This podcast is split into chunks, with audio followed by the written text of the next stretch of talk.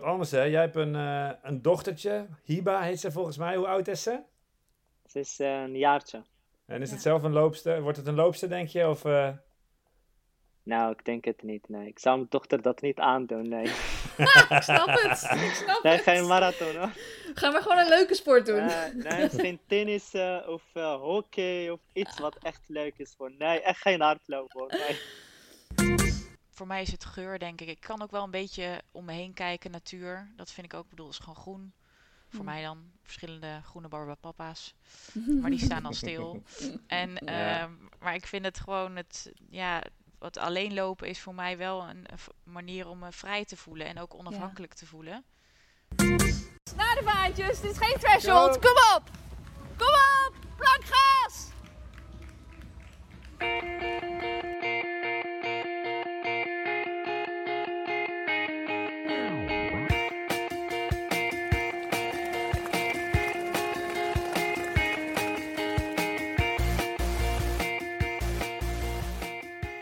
Welkom bij de 75ste aflevering van Suzy Q&A, de podcast over hardlopen, training en wedstrijden. Vandaag een hele speciale aflevering. We spreken straks uitgebreid met Charda Struik. Ze- is bijna blind en ziet slechts 5%. Daarnaast is ze blindfluencer met elke dag informatieve en persoonlijke filmpjes op Instagram en TikTok. Charda wil de eerste blinde burgemeester van Nederland worden en ze loopt hard. Ondanks haar zeer beperkte zicht lukt dat toch. Hoe doet ze dat? We spreken haar straks uitgebreid. Verder spreken we met de regerend Nederlands kampioen Running Blind, Johanny Gelens. Op 20 november volgende maand vindt tijdens de NN7 Heuvelenloop, de favoriete wedstrijd van Suzanne, het Nederlands kampioenschap Running Blind plaats. Hier starten ongeveer 50 blinde lopers met een buddy, buddy om, de strijd, om te strijden om de titel op de 15 kilometer. En Johanny doet daar aan mee. Maar we gaan uiteraard het eerst hebben over de TCS Amsterdam Marathon van afgelopen zondag. Waar Suzanne en ik allebei live, live getuigen van waren. Suzanne als supporter en ik als loper. We bellen zo met Galietje Koet, die gisteren in een hele snelle 2.09 Nederlands kampioen werd op de marathon. Eh, en dit alles doe ik met spierpijn in mijn benen. En samen met de meest enthousiaste en de meest luidruchtige supporter aller tijden. Suzanne Crummins.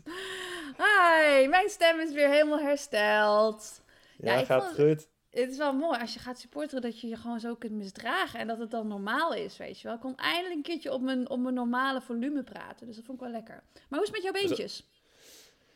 Eh, nou als ik er stil, stil zit, gaat het best wel goed. En als ik op gang ben, gaat het ook best wel goed. Maar, zeg maar het opstarten is gewoon lastig. Dus als ik dan een tijd heb stilgezeten, dus gisteren, eh, gisteren naar mijn werk geweest en dan zit ik even in de trein, dan ben je het eigenlijk wel weer vergeten.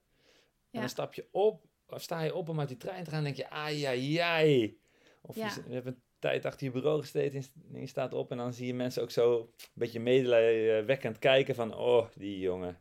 Ja. Ehm, Zou het dan helpen zo. als je dan gewoon een carbonschoen aandoet de dag na een marathon? Zodat dan, weet je wel, want dan start je misschien wat lekkerder op. dat zou kunnen.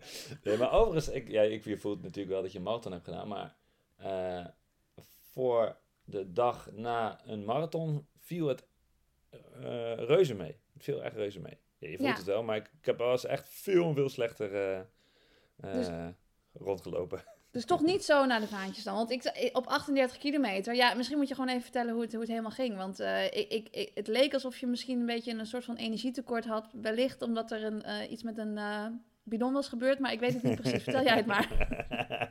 nee, ja, nee, eigenlijk ging het allemaal best wel goed. Ehm, ik maakte me van tevoren een beetje zorgen om de wind.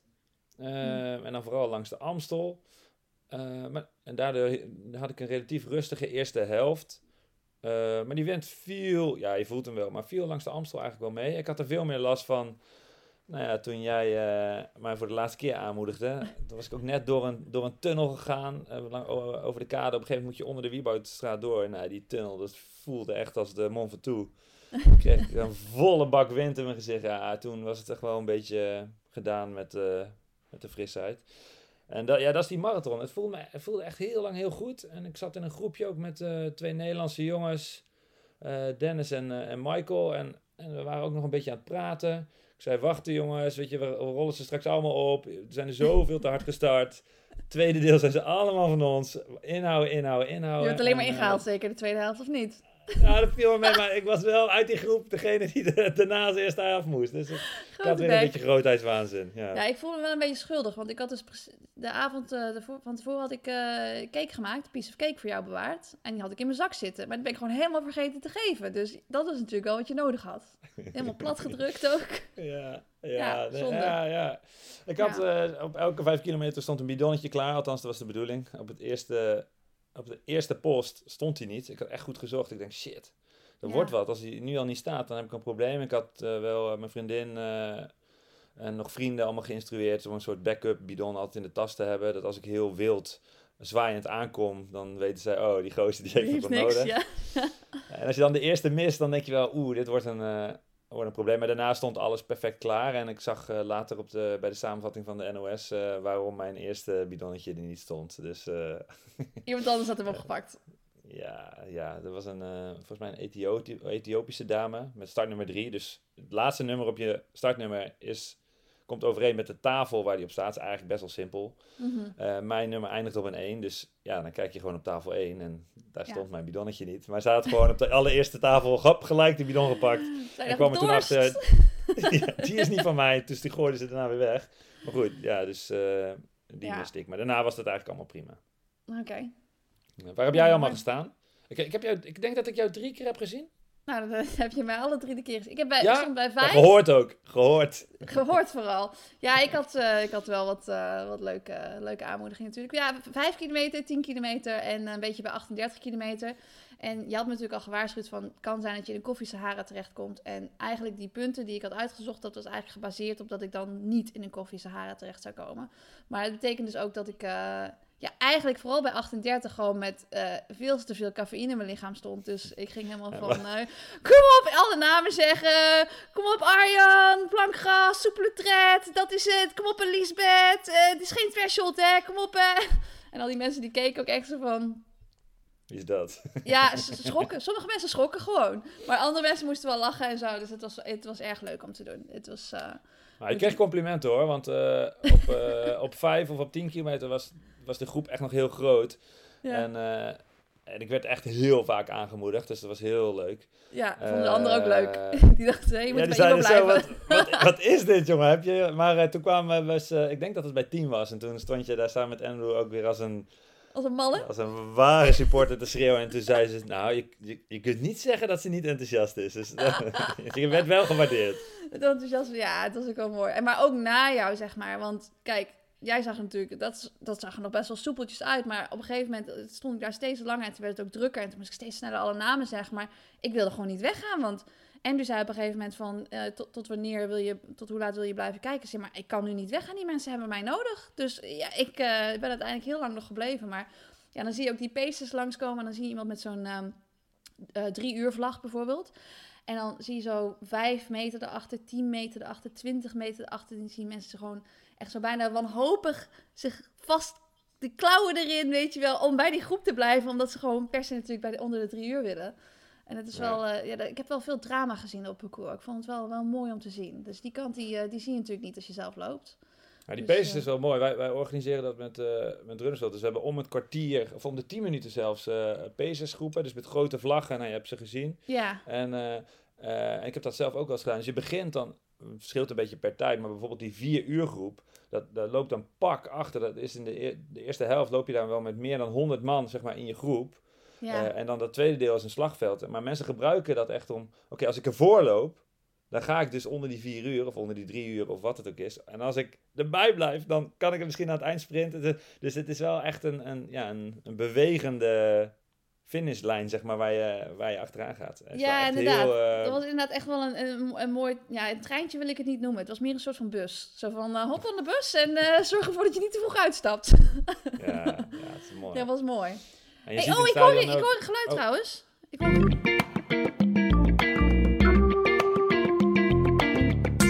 Oh, er is een, een oud segment is terug. Het, het is het woord van de week. Het woord van de week. Ik ga hem even voorlezen. Het woord van de maar week is oh, tepelpleister. Tepelpleister. Nee, zeg me niks eigenlijk. Eh, ja, nee, zeg me wel. oei, oei, oei, jongens. ik, eh, ik, ik- de, die jank en de tepels waar jij het over hebt, dat heb ik vaak onderweg gehoord. En ik heb ochtends ik heb niet nooit verteld, zoveel over hoe... tepels gesproken. Nee, mijn tepels zijn eh, echt te veel eh, besproken nu. Eh, maar he- bedankt voor alle reminders ochtends vroeg. Ik had de pleistertjes in mijn tas zitten. Ik heb wel allemaal ook weer tips gekregen om... Nu is het eigenlijk helemaal goed te gaan. Ja, Dus de tepels afgeplakt, niks aan het handje. ja. Maar dan zijn er toch allemaal men- mensen die dan nog verbeteringen hebben. Er zijn dus ook doorzichtige tepelpleisters of pleisters. Oh Eh, ja? want nu was natuurlijk op de foto's was dan weer vaak die, die pleister soms zo een beetje half te zien. Dus nou, Ja, maar eigenlijk Eh, is het wel gewoon cool natuurlijk. Want het is zo van, ik ben heel goed voorbereid. Kijk mij nou met mijn pleisters. Jongens, ik... eh, hoe zegt ze altijd? Failing to prepare is preparing to fail. Dat ben ik niet. Ik heb mijn pleisters op. Ja, maar ik doe dan toch liever stoer met gewoon een hele goede tijd. Eh, dat ik Ja, gewoon dat- met, met de armpjes in de lucht over de finish kom. en niet de laatste zeven kilometer helemaal verrot, maar wel met tepelpleisters. Ja. Ja, nee, dat is ook weer waar. Dus je hebt wel een klein beetje stervende zwaan was het natuurlijk. Dus het zag er wel mooi uit. Maar ik heb achter jaar heb ik nog wel mensen gezien. eh, er kwam, op een gegeven moment kwam er iemand, iemand aan. En dan zag ik al van verre dat hij enorm aan het janken was. Dat was echt... oeh, dat, was, Ja. zag er niet goed uit. En ik moest gewoon... Ja, ik vond het heel erg, maar ik moest zo lachen. Dat is... Ik heb hem wel aangemoedigd. Ik weet ook niet meer hoe die heette. En sorry, bij deze sorry, want hij keek me een beetje wanhopig aan. Dus hij was, had helemaal stuk en hij was aan het eh, janken natuurlijk. Dus eh, Nou, Maar ja. 80% eh, komt niet uit Nederland, dus die, nou, Nee. die, heeft die, die, Nee. die, gaan jou niet, die ga je niet meer tegenkomen. Joh. nee. Hey, maar om te janken, want ik begreep ook dat die app, nou om te janken in ieder geval, op- ik, heb, ik had zelf ook de app van de marathon geïnstalleerd. Eh, en daar ben ik een dag later, eh, was ik eindelijk gefinished. Ja, Eh, jij, maar ik voor dacht even dat je uitgestapt was. Ja. Ja, dat ging niet helemaal goed. Want hoe, je, je moest gewoon goed je horloge bij zelf een beetje in de gaten houden wanneer je waar moest zijn. Nou ja, ik wist natuurlijk hoe hard je ongeveer wilde lopen. Dus ik kon het wel een beetje uitrekenen. En toen dacht ik, dan ga ik er gewoon te vroeg staan. Dan kan het niet missen. Maar eh, ik, ik heb heel veel mensen inderdaad... eh, die had ik wel in de trekker gezet. En op een gegeven moment dacht ik van... Ja, ik denk dat ze uitgestapt zijn. Of zelfs niet gestart zijn. Weet je, je, je weet het verhaal niet. Dus... ehm, Dus ik heb wel gewoon gekeken, maar ik heb die, die, die app heb ik uiteindelijk helemaal niet gebruikt. En ik weet dat er voor de race hadden ze nog allemaal, eh, ik weet niet, ik had ergens een video voorbij zien komen, juist over dat je mensen ook live kon trekken en zo. Maar het was echt een drama. Het was nog slechter dan bij andere wedstrijden. Dus eh, ja, ben je een keertje supporter en dan eh, moet je het allemaal op gevoel doen. Maar op gevoel supporter ging op zich ook goed. Alleen ja, ik denk wel dat ik eh, daardoor een beetje mensen gemist heb. Dat kan wel. ja. Heb je nog eh, hele enthousiaste reacties teruggekregen? heeft, Richard uh, Dauma, heeft hij nog wat, een klein knipoogje of een high fiveje? Of was hij te Eh, geconcentreerd? Nee, die was erg geconcentreerd. Die hele groep is sowieso geconcentreerd. Dus, eh, maar ik heb Richard natuurlijk bij 38 ook niet meer gezien, want toen was hij uitgestapt. Oh, nee. Weet je wel, en daarom is het ook van, die, die, die zag ik dan ook niet meer op de trekker. En dacht ik, ja, zou die nou uitgestapt zijn of niet? Ja, ik weet het niet, weet je. Maar die, die was dus wel uitgestapt. Dus, ehm, ja, dus dat was jammer. Maar eh, nee, er zijn wel ook mensen die... Want ik kon natuurlijk niet alle namen zeggen, dat ze, dat ze, dat ze soms mijn naam zeiden. Dus, hé hey, Suzanne! Dus dacht ik, hé, je, moet, je moet rennen, je moet concentreren. maar dat was, maar dat was ook niet eh, meer op 38, toch? Of, of zelfs was op 38, ja, was op nog? 38. Ah. Ja, was Ah, wel die mooi. persoon had harder gekund. Die had harder gekund. Ja, ik denk het ook. Nou ja, en ik had na een wat berichtjes dat ze, dat ze er wel echt een boost van kregen. Dus dat is wel leuk, wel leuk om te horen natuurlijk. En sowieso dat, dat, dat hele evenement, als je dat loopt, dan... eh, je, je maakt het wel mee dat anderen je aanmoedigen. Maar je hebt gewoon niet het idee dat hoe lang mensen daar staan. En ook met alle vrijwilligers en zo. Want ik ben ook langs die, die vijf kilometer drankpost gelopen. En van tevoren werd me al verteld dat die mensen van die drankpost, die vrijwilligers, die zijn er al voor zeven uur, weet je wel. Dus het is echt wel een... eh, een een heel gebeuren om dat evenement zo te laten lopen. Dus eh, helaas ging het met jouw drankjes dan niet goed. Maar eh, ik vond het wel, eh, wel mooi om, om die kant van, het, van de Ja, marathon het te is allemaal wel goed, echt wel goed georganiseerd. Ja, Ja. wat ik, ik vond het dus, nou ja, jouw aanmoedigingen zou ik niet vergeten. Maar ik had, weet je, sowieso mijn, eh, mijn vriendin en mijn zoontje stonden op heel veel plekken. En eh, nou ja, ik denk dat Kajo, mijn zoontje, nou, hetzelfde volume en enthousiasme als jij had. Dus dat, was, dat is ook echt gaaf. Eh, en en de Running Junkies hadden bij het Rijksmuseum, ik weet niet of je daar nog bij bent ge- in de buurt bent geweest, daar was een, die hadden ze een cheering zone gemaakt, hebben ze altijd daar. Ja. Nou ja, dat was echt. Daar stonden zoveel mensen en met zoveel lawaai en megafoons, jongen. Dat was echt. eh, En dan loop je dan Ja, door de glitters heen of zo? Of eh gooien ze nog iets in de lucht? ja, en er staat, eh, ze hebben zo'n zo'n mascotte, Ryan the Lion, en die mag dan op het parcours. Dat hebben ze met de eh, politie afgesproken. Dus die staat ja, te dansen en eh dus een muziek. Ja, ik vind dat zo vet. Hoe verrot Ja. ik ook was, dat was echt wel heel mooi. Ja, En, sowieso eh, mooi, ja. Ja, sowieso ja. al het geluid eromheen. Zeg maar voor de start, toen ik eh, dus net in Amsterdam was, toen hoorde ik al eh, de helikopter. En toen dacht ik al van, oh ja, ik voel een beetje zo van als je een wedstrijd loopt en als je dan een helikopter ho- hoort, dat is gewoon dat is een lekker geluid. Dat Ja. is, weet je wel, dan gaat er iets gebeuren, er gaat iets beginnen. Dus dat is wel, eh, heb ik al lang niet meer gehoord. Ja, ja. Ja. Nou, ja, dus heeft je ook wel eh, gemotiveerd. Ja, zeker. had je ja. daarvoor of daarna gelopen die dag? Of had je een rustdag? De nagelopen, de nagelopen. Ah, nee, ja, te hard nee dus. niet, niet ervoor, want nee, het was al best wel vroeg, hè. Dus eh, we zijn van, s ochtends zijn we onderweg naar het station nog helemaal nat geregend. En toen zei ik, oh, dit gaat het worden vandaag, zeg. Helemaal nat geregend. Maar gelukkig was het natuurlijk tijdens de, tijdens de race was het droog. Volgens mij hebben hebben hem, of heb je in het startvak misschien nog regen gehad, of niet? Nee. Nee, nee, toen wij, we reden, eh, ik was gewoon thuis in Utrecht en we reden met een paar trainingsgenootjes in de auto eh, die kant op. Ja, Toen was het echt aan het regenen, maar toen normaal zou ik dan denken, oh nee, maar ja, met die buienradar, je ziet gewoon, oké, dit is het laatste. Daarna Ja. is het eh, gewoon droog en het zou zelfs eh, zonnig worden. ja, Eh, dus nee, daar heb ik me eigenlijk geen zorgen om gemaakt. En met inlopen, en, ja, ik heb een heel klein stukje ingelopen. Met Bjorn trouwens, maar een Ja. klein stukje maar ingelopen. En toen was het al eigenlijk al droog. Dus dat, heb ik geen last van gehad. Nee. ja. Hoe lang loop je dan in trouwens? Ik heb twee kilometer ingelopen. Ja, Ja, dat is echt wel... eh zal ik ook vertellen hoe lang ik heb uitgelopen? je niet, toch? Nee, natuurlijk niet. Maar er zijn mensen die dat doen. Ik vind dat zo knap. Ik kan helemaal niks meer. Nee, nee, ik loop sowieso heel weinig uit naar wedstrijden. Dat is, eh, ja, dan, dan gebeuren er gewoon andere dingen. Dan moet je je, je, je lekkere pastaatje gaan voorbereiden, toch? Heb je nog genoten van een pastaatje s'avonds of niet? Ja, lekker een glaasje water, salade en een pasta heb ik genomen, ja. Na Oh, mijn zak M&M's. eh, Goed hersteld. eh, een gla- goed glas wijn, nee, dat hoort er ook gewoon bij. Dat, eh, Ja. Nou, Ja. Nee, maar mooi. Maar ik, moet zeggen, qua motivatie, kijk, als je dat zo ziet dan, eh, en als je daar bent, dan, dan, dan krijg je wel een beetje kriebels en precies van, oh ja, het zou ook wel mooi zijn om mee te doen. Maar ik moet zeggen dat het aanmoedigen dat het ook wel heel leuk was. Dus ik, eh, je kunt het ook niet allebei. Dus ik ga het gewoon combineren. Weet je, ik ga soms aanmoedigen en eh, soms gewoon wedstrijdjes lopen. ja, ja, ik zou het Ja. niet tegelijk doen. Dat, eh, Nee. ja. Hey, en jij bent op drie plekken geweest, dat is best wel goed. Maar ik, heb, ik vertelde de vorige podcast aan een vriend van mij, Ernst. En ja. Die heeft dat ook gehoord en die stuurde me, die fietst, die fietst niet, die gaat altijd hardlopend. Die doet een duurloop tijdens de Amsterdam Marathon. ja, ik wilde Eh, een OV-fiets, maar die was er niet. Dus ja, Nee, toen allemaal moest op, ik... hè? Moest ik Allemaal op. Ja, ja, niet op station, niet op Centraal, maar daar ben ik niet geweest. Dus dat is, eh, Eh, ja.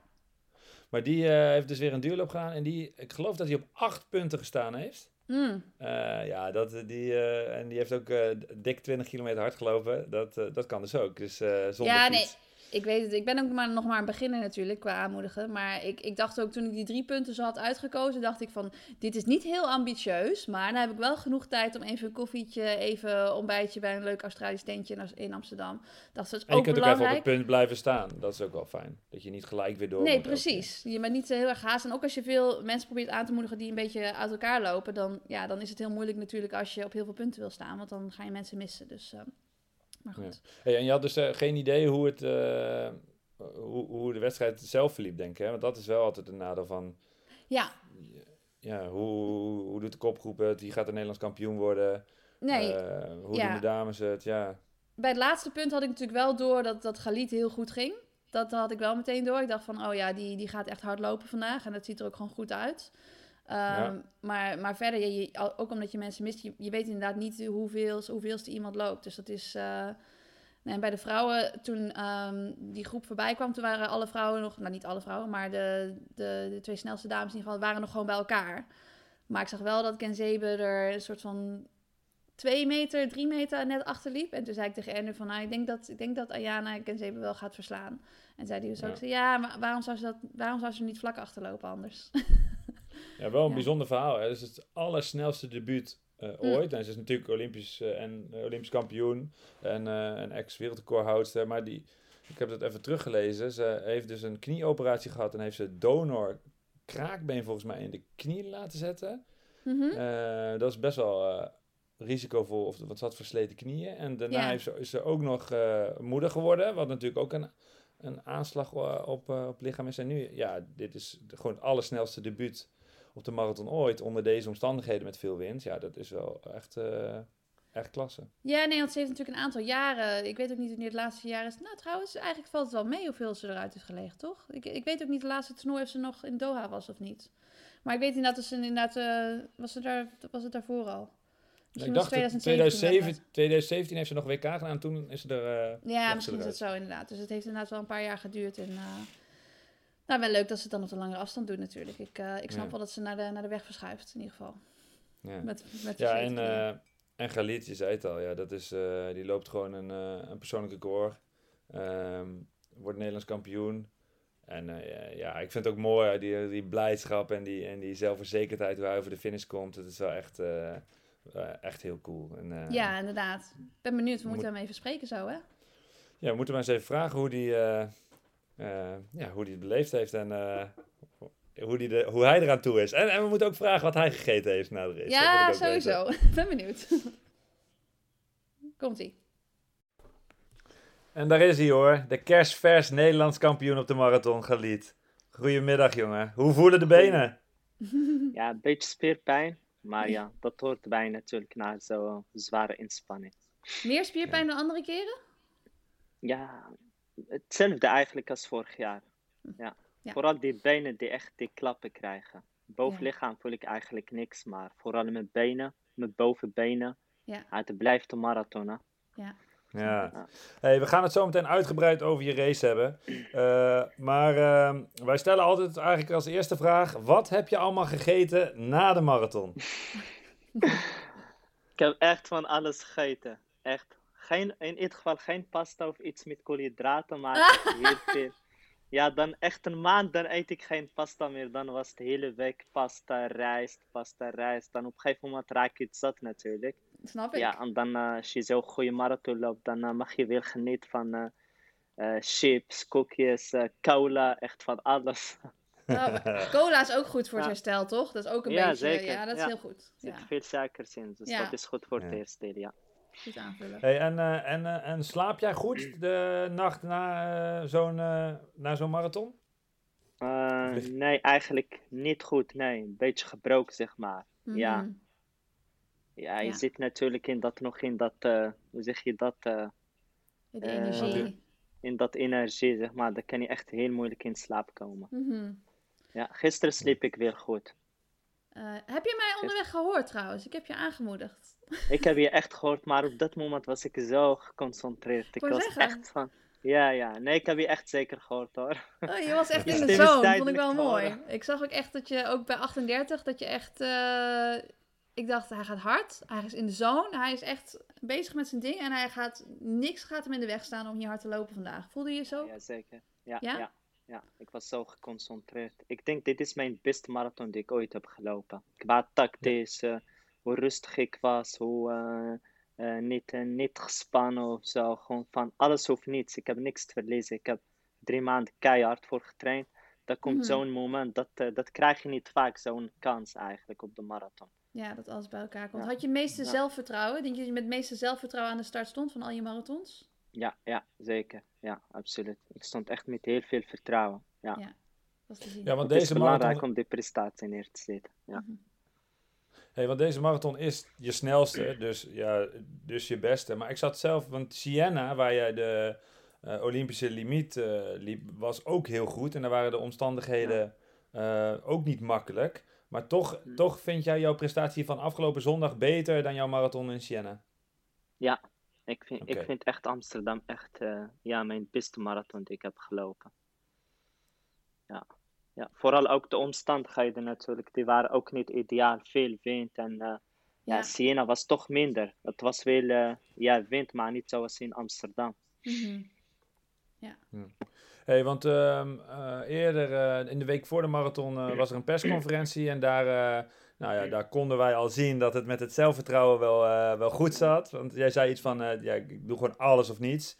Ehm, dat heb je door de wind, heb je je tactiek iets, eh, iets behoudender eh, gekozen. En dat, dat pakt volgens mij heel goed uit. Of, of hoe kijk je daar zelf op terug?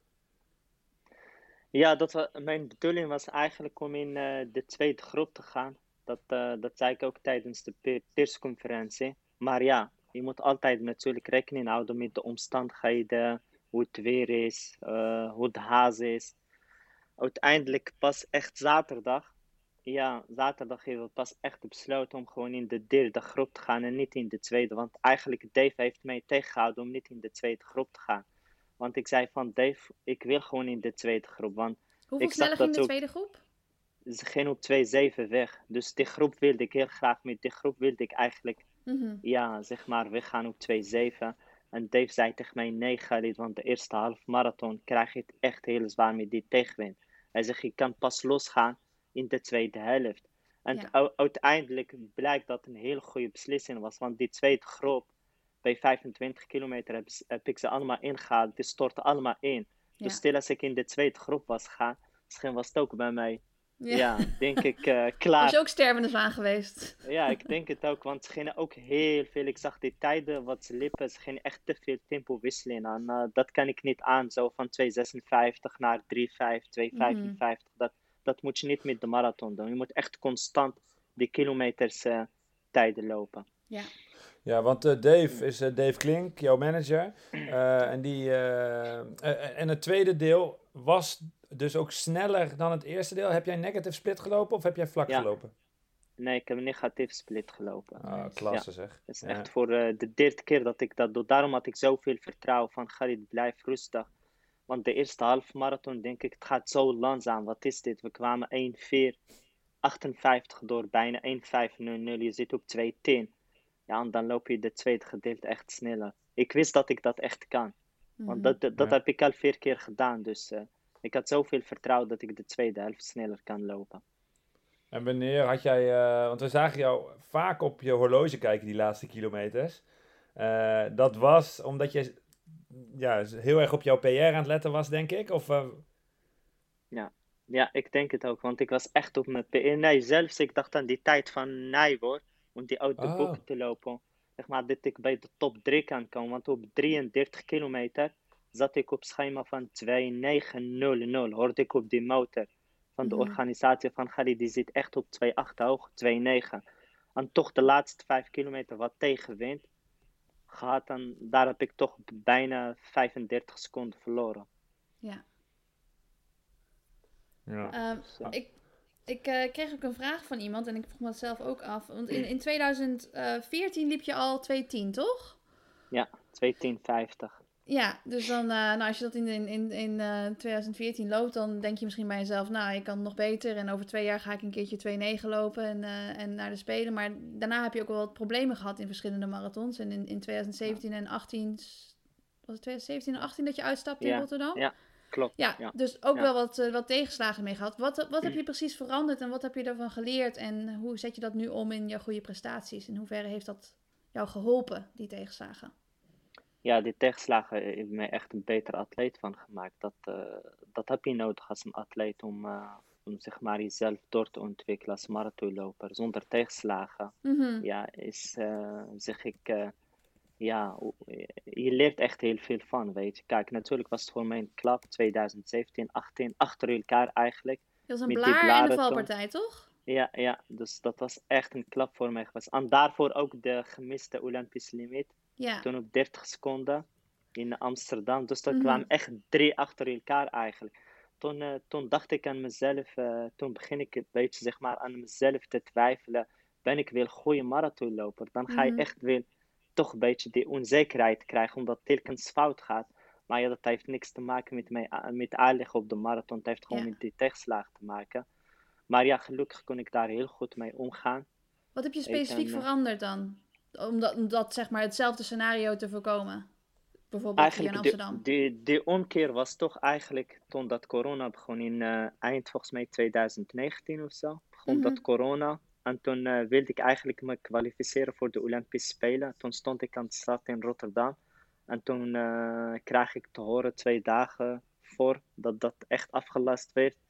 Ja, en dat was ook natuurlijk voor mij een klap geweest. En daarna waren geen wedstrijden. Dus ik, dat was echt een heel goed moment om even een beetje rust te nemen, zeg maar. Want Mhm. ik had zoveel druk om te presteren als topsporter. Je weet, eh, jij weet zelf wat topsport is. Om telkens Mhm. om je met die druk om te gaan. was voor mij echt zo moeilijk. En toen kwam die twee jaar dat ik geen wedstrijden liep. En ik had een beetje zeg maar rust. Om Ja. me- zeg maar, aan mezelf te werken. Aan mijn basis te werken. En daar begon eigenlijk de echte marathon voorbereiding. Ja, Daar was dus je zegt eigenlijk, je neemt meer tijd per wedstrijd om je goed, echt goed voor te bereiden. En als je dan aan de start staat, dan ben je er ook echt klaar voor. Juist, want toen liep ik geen wedstrijd. Ik was alleen maar gefocust om trainen. Want ik, Ja. ik heb nu ontdekt dat ik een atleet ben die niet veel wedstrijd moet lopen. Ja. Kijk, als je kijkt, de marathon wat ik zondag heb gelopen, zit echt een jaar tussen. Dus ik heb eigenlijk weinig marathons. Ja, ja, jaar. Dus dat kan ik echt heel goed. Dus Ja. gewoon echt maandenlang aan trainen.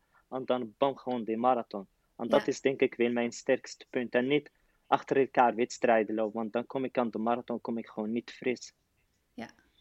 Ja, dus Ja. eh, Ja, goed. ja, het zijn heel ge- veel veranderingen, zeg maar, in de Ja. afgelopen jaren. Ja, je durft gewoon heel veel te investeren in één wedstrijd. En dat maakt de marathon natuurlijk ook wel mooi. Want ehm, nou ja, mensen die zeggen ook van ja, je hebt heel hard gelopen en dat is, dat is super knap. Maar het is vooral heel knap dat alles bij elkaar komt en dat er eigenlijk niks misgaat. Omdat er zoveel mis Ja. kan gaan tijdens een marathon natuurlijk. Hè? Dus het is, eh, ja, het is wel heel mooi dat je inderdaad zo'n eh, zo'n magische dag hebt gehad Ja. in Amsterdam. Ja, maar dat heb ik ook natuurlijk geleerd van, eh, als je kijkt naar eh Abdina Gay, die loopt ook weinig wedstrijden. Die concentreert zich alleen maar op één marathon. Eliot Kipchoge kan dat heel goed.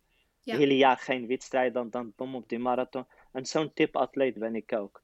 Dus Ja. ik moet niet te veel wedstrijden lopen. En gefocust op alleen maar belangrijkste doelen.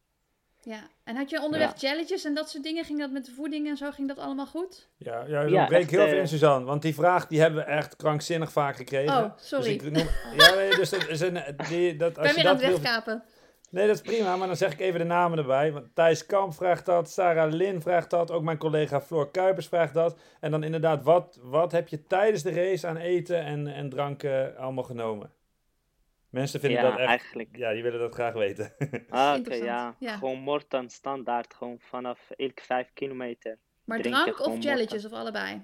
Nee, de mid, de mid Jill begin ik bij 25 kilometer. Want ja, in het begin verlies je niet veel koolhydraten, suikers. Dus vanaf 25 kilometer begin ik met Jill te nemen. En daarvoor drink je wel? En daarvoor drink ik wel, maar gewoon dat eh, sportdrank, Morten. Ja.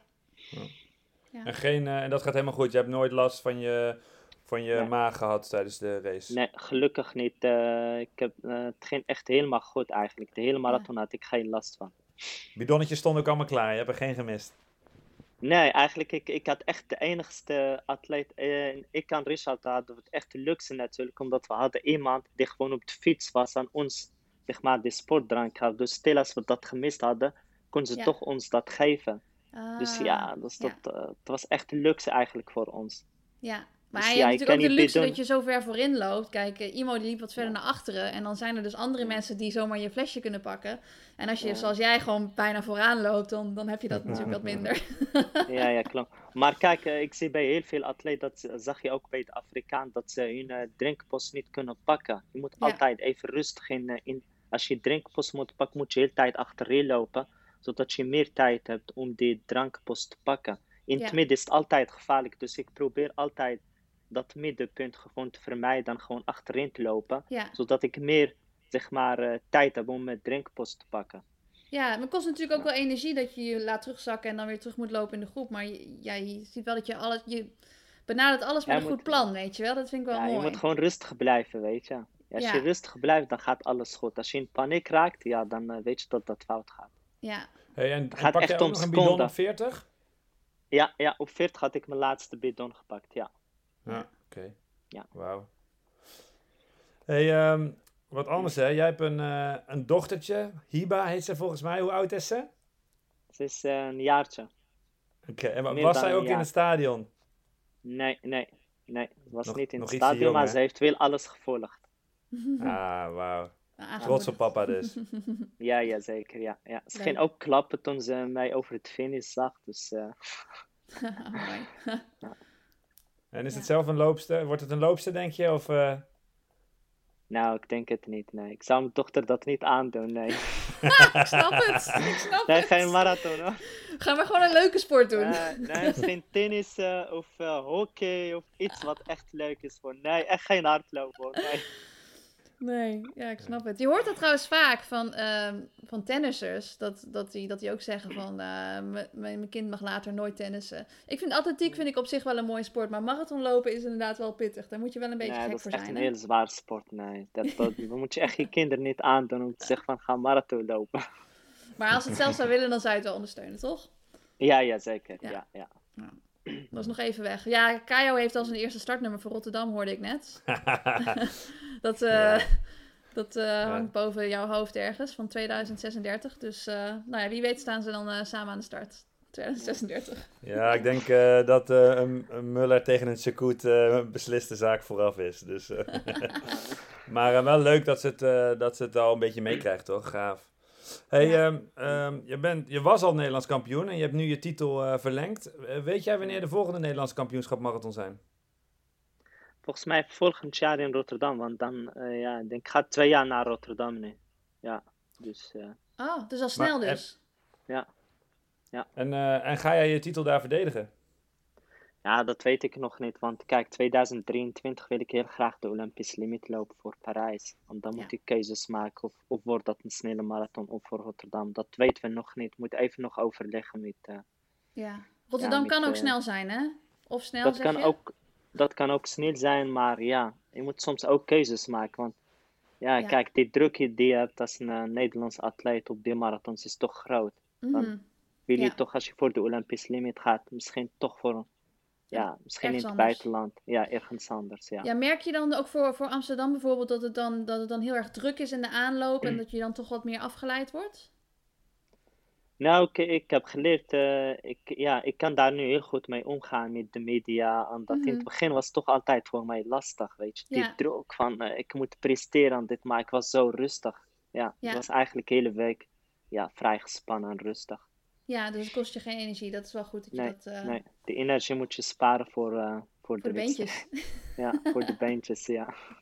Precies. Netjes. Ja. En je had het al eventjes over, eh, over spierpijn. Ehm, is het alleen spierpijn of heb je ook nog wat kleine pijntjes overgehouden aan die marathon? Of ben je fysiek best wel Nee. goed eruit? Ja, fysiek ben ik gewoon goed in orde. En eh, verder eigenlijk geen klachten, geen blessures, geen kramp, alleen maar spierpijn. Mooi. Ja, ik was heel goed voorbereid hoor. Veel, veel eh, krachttraining gedaan. eh, echt twee keer in de week ging ik naar Ja. de gym. Dus eh, zo'n marathon moet je echt, echt fris aan het- eh, echt gewoon fysiek en fitter Ja. aan het start staan. Dus eh, je moet echt eh, conditioneel echt top zijn. Wil je zo'n afstand? Ja, En zo'n die impact tijd. ook. Dat zeg Ja, maar de ja, impact ook, van de ja. kilometers. Heb je, heb je echt, echt lange duurlopen ook op de weg gedaan? Of, ehm, Ja. of hoe bereid je je daarop voor? Ik heb echt maanden, eigenlijk eh, s- drie maanden voor Amsterdam begon ik eh, met lange duurloopjes van 40 kilometer, Duurloopjes. 48, 36. 48. Nee, 48 niet, 38 zei ik. Niet Ja, 40, 48, maar nee. 40 ook. 40 wil, ja, ja. Maar ik loop ze wel echt heel hard. Dus gemiddeld 315, 318. Ja. Dus dat zijn geen eh, rustige duurloopjes. Maar je noemt het Want wel wat- duurloopjes. Ik vind dat wel mooi. Duurloopjes, ja, ja. Ik noem dat duurloopjes, maar dat is meer een beetje echt intervalstraining eigenlijk. Oh, wauw. Want wij lopers zijn natuurlijk best wel ook wel. eh, we houden ook al die kilometers in de, een beetje bij en zo. En wij hebben het ook wel eens eh, in een vorige uitzending aan Nienke gevraagd. Nienke Brinkman, ook een uh, marathonloopster. Naar haar monsterweek. Kun jij eh, Oh, ja. vertellen wat jouw monsterweek was in kilometers, maar ook welke training, eh, ja, de monstertraining zeg maar is? Nou, de beste training wat ik gedaan heb. Ja, allerzwaarste week De zwaarste week. in de Heb je voorbereiding. dan 200 kilometer? Eh, of, eh, 210 was mijn zware week. Ja, Met daar echt heel veel intervalstraining, baantraining. Ik had ook, eh, mijn zwaarste training was vijf keer, zes keer 5000 op de baan in 1440 gelopen. Met kilometer, eh, met eh, ru- één kilometer rust. Dus dat was echt mijn beste training. Dat was weer natuurlijk dat- twee maanden voor de marathon. en hoe komt Dus het dat je op de keer- baan doet? Is dat, Oh. is dat omdat je dan eh, mentaal, eh, je, omdat het zwaarder is of omdat het preciezer is? Of omdat je dan Ja, je meer wordt support mentaal hebt? echt heel sterk van. Als je echt Ja. dat rondjes, hetzelfde rondjes loopt, word je ook mentaal echt ijzersterk gewoon. Dan, dan als Ja. je zo'n stadmarathon loopt, dan is het alleen maar rechtdoor loopt. Dan, dan ja, dat is eigenlijk wel leuk dat je andere dingen ziet. Juist, ja. En eh, met name ook je snelheid. Je wordt ook sterker, je, je, je snelheid gaat omhoog. Ik heb Mhm. echt heel veel op de baan gedaan. Dat merk ik ook eh, zondag met die tempowisselingen. Dat ik heel makkelijk mee kon gaan. Als een kilometer van 2,55 wordt gelopen, dan kan ik dat heel makkelijk aan. Ja, Ja. dus eh, dat is wat ik eigenlijk de afgelopen jaren niet heb gedaan. Niet, niet veel op de baan getraind, maar dit keer echt heel veel op de baan getraind. Ik heb Mm. zelfs 30 kilometer op de baan gelopen. Wauw. Ja, Ja. dat, dat is echt veel- mentale training inderdaad. En veel alleen ook? Of eh, heb je, doe je ook met, eh, met andere trainingen? Ja, de meeste eigenlijk heb ik alleen gedaan. Een eh, beetje met Jacob Labkera, dat is mijn trainingsmaatje. We hebben Mhm. natuurlijk ook hetzelfde sponsor. Ja, eigenlijk ik ben iemand die gewoon toch liever alleen traint. Mhm. En niet met groepje. Want ja, eh, met groepje dan ga je niet je eigen ding doen, weet je. Stel als eh, je wilt die dag gewoon tempo 3.30 in een duur lopen en dan gaan ze 3.20 of 3.15, noem maar op, weet je. Je moet toch altijd je, je eigen programma volgen. Ja. Met die groep is toch altijd het risico dat je jezelf opblaast of veel te hard traint of niet dingen doet wat gewoon eh, bij jou past, zeg maar. En wat is jouw grootste motivatie? Want als je training alleen doet, dan zul je ook ongetwijfeld dagen hebben dat je wat minder gemotiveerd bent. Wat is jouw grootste motivatie? Dat is eh, mijn gezinnetje, dat is echt mijn motivatie, ja. ja. Mhm, Mijn grootste motivatie. Mooi. Dat heeft me ook veranderd als atleet, want ja, sinds ik getrouwd ben, dochtertje, ja, ja, eh, ja, ben ik beter gaan presteren dan de Ja. afgelopen jaren. Mooi. Mooi, ja. Oké. Ehm, even kijken wat voor vragen we verder nog eh, hebben gekregen van luisteraars. Die pak ik er even bij. Ehm, Behalve Ja, over de- nou- jelletjes. wat zeg je? Behalve Nee, er komen echt veel, voedings, veel voedingsvragen binnen. Ja, mensen denken Eh. gewoon van als we dat kopiëren, dan gaan we net zo hard lopen als Galit. Maar helaas werkt het zo niet. Je moet ook nog een beetje nee. trainen. Ja, klopt. Ja, ja. ik- ik Je moet het echt oefenen heb- met drinken. Het is niet zomaar dat je dat doet. Ja. Hey, want eh, dat is eh, misschien een beetje onaardig om te zeggen na zo'n goede prestatie. Ehm, maar wat kan er nog beter? Zeg maar, zie je, heb jij dingen waarvan je denkt, oké, ik, ik, even los van de weersomstandigheden, want die waren niet perfect, maar zijn er nog dingen eh, in jouw voorbereiding of, of, of in trainingen of, of, of gewoon ervaring, waar denk jij dat, nog, eh, dat je nog kan verbeteren? Ja, ik denk in de training, eh, ik, bedoel, ik moet niet dingen gaan veranderen, weet je. Ik bedoel, ja, het gaat nu echt heel goed. Ik denk wat beter nu kan is gewoon dat ik een snelle marathon moet kiezen om, ja, om mijn tijden te verbeteren. Zeg maar, Mhm. kijk, zondag was natuurlijk eh Nederlands kampioenschappen, dan wil je toch stiekem in je hoofd, ga je toch met de titel, weet je, dat je het risico niet neemt om jezelf op te blazen en dan toch met, eh, met niets naar huis gaat, weet je. Dus eh, wil ik mezelf verbeteren, dan moet het echt een marathon zonder druk zijn, zonder kampioenschap, maar gewoon echt alleen maar voor een snelle tijd. Zoals Siena Marathon had ik die druk niet, weet je, zeg maar. Mhm. Dat je echt alleen maar voor een tijd gaat, niet een kampioenschap of zo. Ik denk dat dat, als ik dat had, dan dat ik zeker in de 2.8, 2.7 kan. Ja. Want eh, sommige lopers die vinden zichzelf echt kampioenschapslopers. Ehm sommigen die zijn echt eh, een soort eh, machine, die moeten gewoon een tijd volgen. Ehm, Maar jij kan eigenlijk allebei. Of, of, of zou jij wel zeggen dat je in eentje misschien beter bent dan in het ander? Ja, kijk, tot nu toe een kampioenschap. Ja, ik heb ook vaak Europese kampioenschap gelopen. Ook vaak gelopen, maar marathon eigenlijk heb ik nooit ge- gelopen tijdens de kampioenschap. was Olympisch Spelen, maar toen ben ik uitgestapt. Maar ik denk dat ik allebei ben. Een snelle marathon en ook een kampioenschap lopen. Want als je Mhm. kijkt, mijn tweede gedeelte loop ik altijd sneller. En dat wordt ook vaak op een kampioenschap gelopen. Zeg maar negatief split. Ja. Ja. Maar je volgende grote kampioenschapsdoel is dus eh, Parijs. Ja, Parijs, Ja. ja. Dat is een Ja, maar ik heb die dan. druk niet. Haal ik het, is mooi. Haal ik het niet, dan heb ik toch de Olympische Spelen meegemaakt. Dus het is niet dat Ja. ik nu een atleet die zoveel druk om mezelf zet. Van ik moet, ik moet, niks moet, weet je. Ik heb het gewoon losgelaten. Als het komt, is het mooi. Niet, dan heb ik het geprobeerd. Ja, je hebt je nu ook geplaatst voor de WK in Boedapest volgend jaar, hè? Ja, klopt. En Maar ga je dat, is dat lopen? een optie? Ja, ja, is echt heel lastig, weet je. Ja, kijk, eh, ik, eh, ja, het is echt moeilijk, weet je. Vooral eh, met financiën, je moet echt keuzes maken. Of je gaat voor een stadmarathon waar je gewoon ja, startgeld krijgt en bonussen. En zo'n WK moet je echt alles uit je zak betalen, trainingskamp. En, Mhm. ja, ik weet niet, het is echt heel moeilijk in Nederland om, eh, om zeg maar alleen maar je voor te bereiden of een kampio- voor een kampioenschap. Dus de kans is Ja. heel klein dat ik een WK loop. En Ja. toch, toch kies voor een gewoon stadmarathon. Ja, ik ben ook nu 36 jaar. Ik moet ook aan mezelf denken. Mhm. Dus eh, En, en Ja. qua majors dan, heb je nog iets wat op je wensenlijstje staat? Of heb je niet, niet per se een stad waar je graag een marathon zou willen lopen? Ja, ik loop graag in Nederland. Ik vond gewoon Nederland echt. Ik, ik heb geen goede ervaring met uh, ja. wedstrijden lopen in het buitenland. Ik voel me altijd gewoon gelukkig in Nederland. Het wordt alles voor mij geregeld.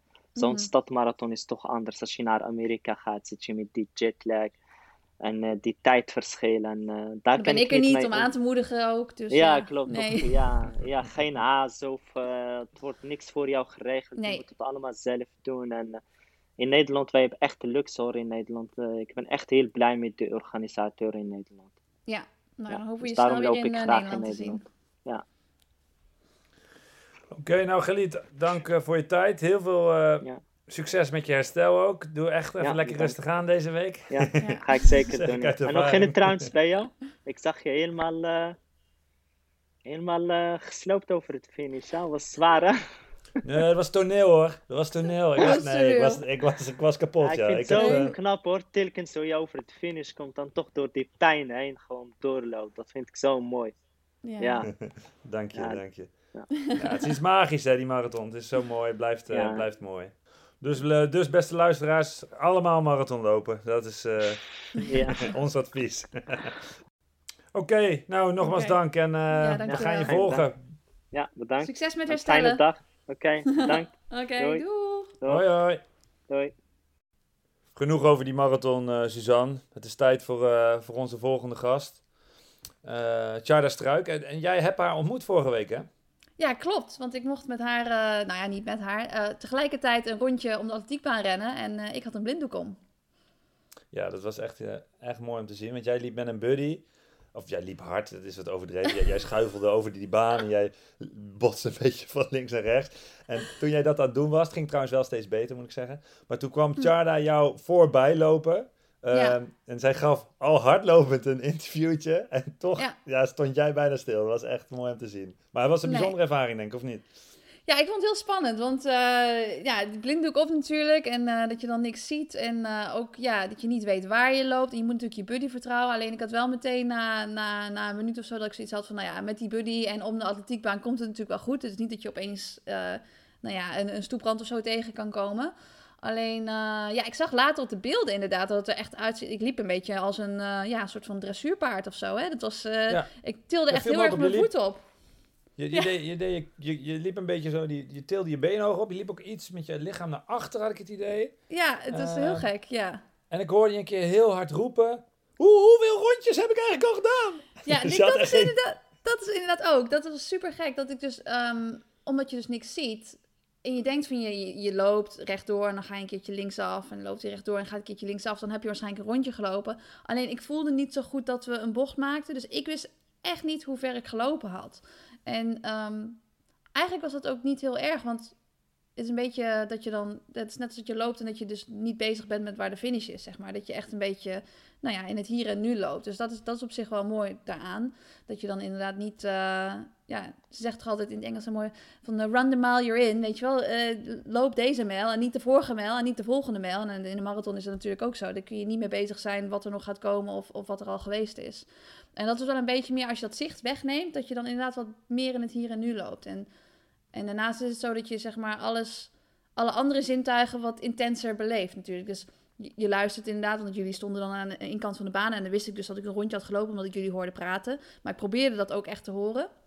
En uh, ja, gewoon uh, wat je ruikt, wat je voelt, dat is allemaal gewoon echt, echt, echt veel intenser. Dus ik kan me wel voorstellen dat het mooi is voor mensen die slecht zien om toch in het bos te lopen. Omdat je dan inderdaad de natuur om je heen hebt. Maar het zal ook lastig zijn met, met alle stronkjes en zo. Want we liepen op een gegeven moment ook een stukje op het gras. En dan merk je gewoon dat het stabiliseren, dat je daar heel erg afhankelijk bent van je zicht. En Natuurlijk weet ik dat wel, omdat ik van die oefeningen doe met mijn ogen dicht voor mijn Achillespees. En dat ik dan probeer te balanceren. En dat is veel moeilijker dan met je ogen open. Maar wel echt veel respect voor, die, ja, voor mensen die inderdaad slecht zien, dat ze, dan, dat ze dat toch kunnen. Want het is echt niet makkelijk. En dat zag je wel, toch? ja, dat zag je. Ja, we hebben het heel mooi vastgelegd. Ja, Dat, we spreken straks ook met, uh, met uh, Johanny Gelens. Die uh, heeft ook een visuele beperking. Die loopt zelfs wedstrijden. En dat mhm. lijkt me wel ja, echt ook nog zo hard mogelijk lopen als je, als je niks ziet. Dat is, lijkt me echt eng. En, en precies mhm. wat jij zegt. Dus zonder zicht, je gaat je veel meer focussen op andere zintuigen. En ik denk dat het genieten dan nog veel belangrijker is dan, ja, zoals, Ja. zoals wij natuurlijk veel te vaak doen, alleen maar met die tijd en zo snel mogelijk. Zeg maar, het is wel, eh, eh, ja, dat moeten we zo ook maar aan Charda vragen, zeg maar. Dat, het is een hele andere, andere manier van, eh, van hardlopen, denk ik. Ik denk dat het ook wel, Ja. Ja, dit, Ja, het was wel- meer, meer, het was intenser en het was eigenlijk wel, wel, wel mooi ook. Maar het is een beetje, ik heb zoiets van als je een zintuig uitschakelt, dan gebeurt dat vanzelf. Het is een beetje als dat je, ehm, als je iets heel goed probeert, als je ergens naar het luisteren bent en je probeert heel goed te verstaan, dat je dan je ogen vanzelf dicht doet, omdat je dan beter kunt horen of zo. Of dat als je in de auto zit en dat je een adres zoekt, dat je dan de radio uitzet, omdat je dan beter kunt zien of zo. Ik weet het ook niet, maar het is, als je het ene uitzet, dan is het andere vanzelf veel intenser. Dus dat is op zich wel mooi. Alleen dat vertrouwen, dat vond ik wel, dat is bijzonder, omdat ehm, als sporter heb je natuurlijk sowieso, als je een team om je heen bouwt, dan moet je dat ook kunnen vertrouwen om te presteren. En ik denk met zo'n buddy ook dat je die moet kunnen vertrouwen om het om normaal te lopen, weet je wel. En dat, ja, je zag aan mij lopen dat dat er niet 100% was, weet je. Dus, eh, dus ik denk dat dat het allermoeilijkste eraan is.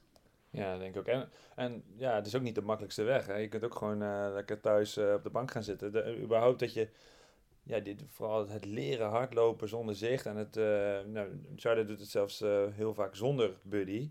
Mhm. Eh, moeten we zomaar eens vragen. Ja, het is wel, wel gaaf dat dat toch kan. Ja.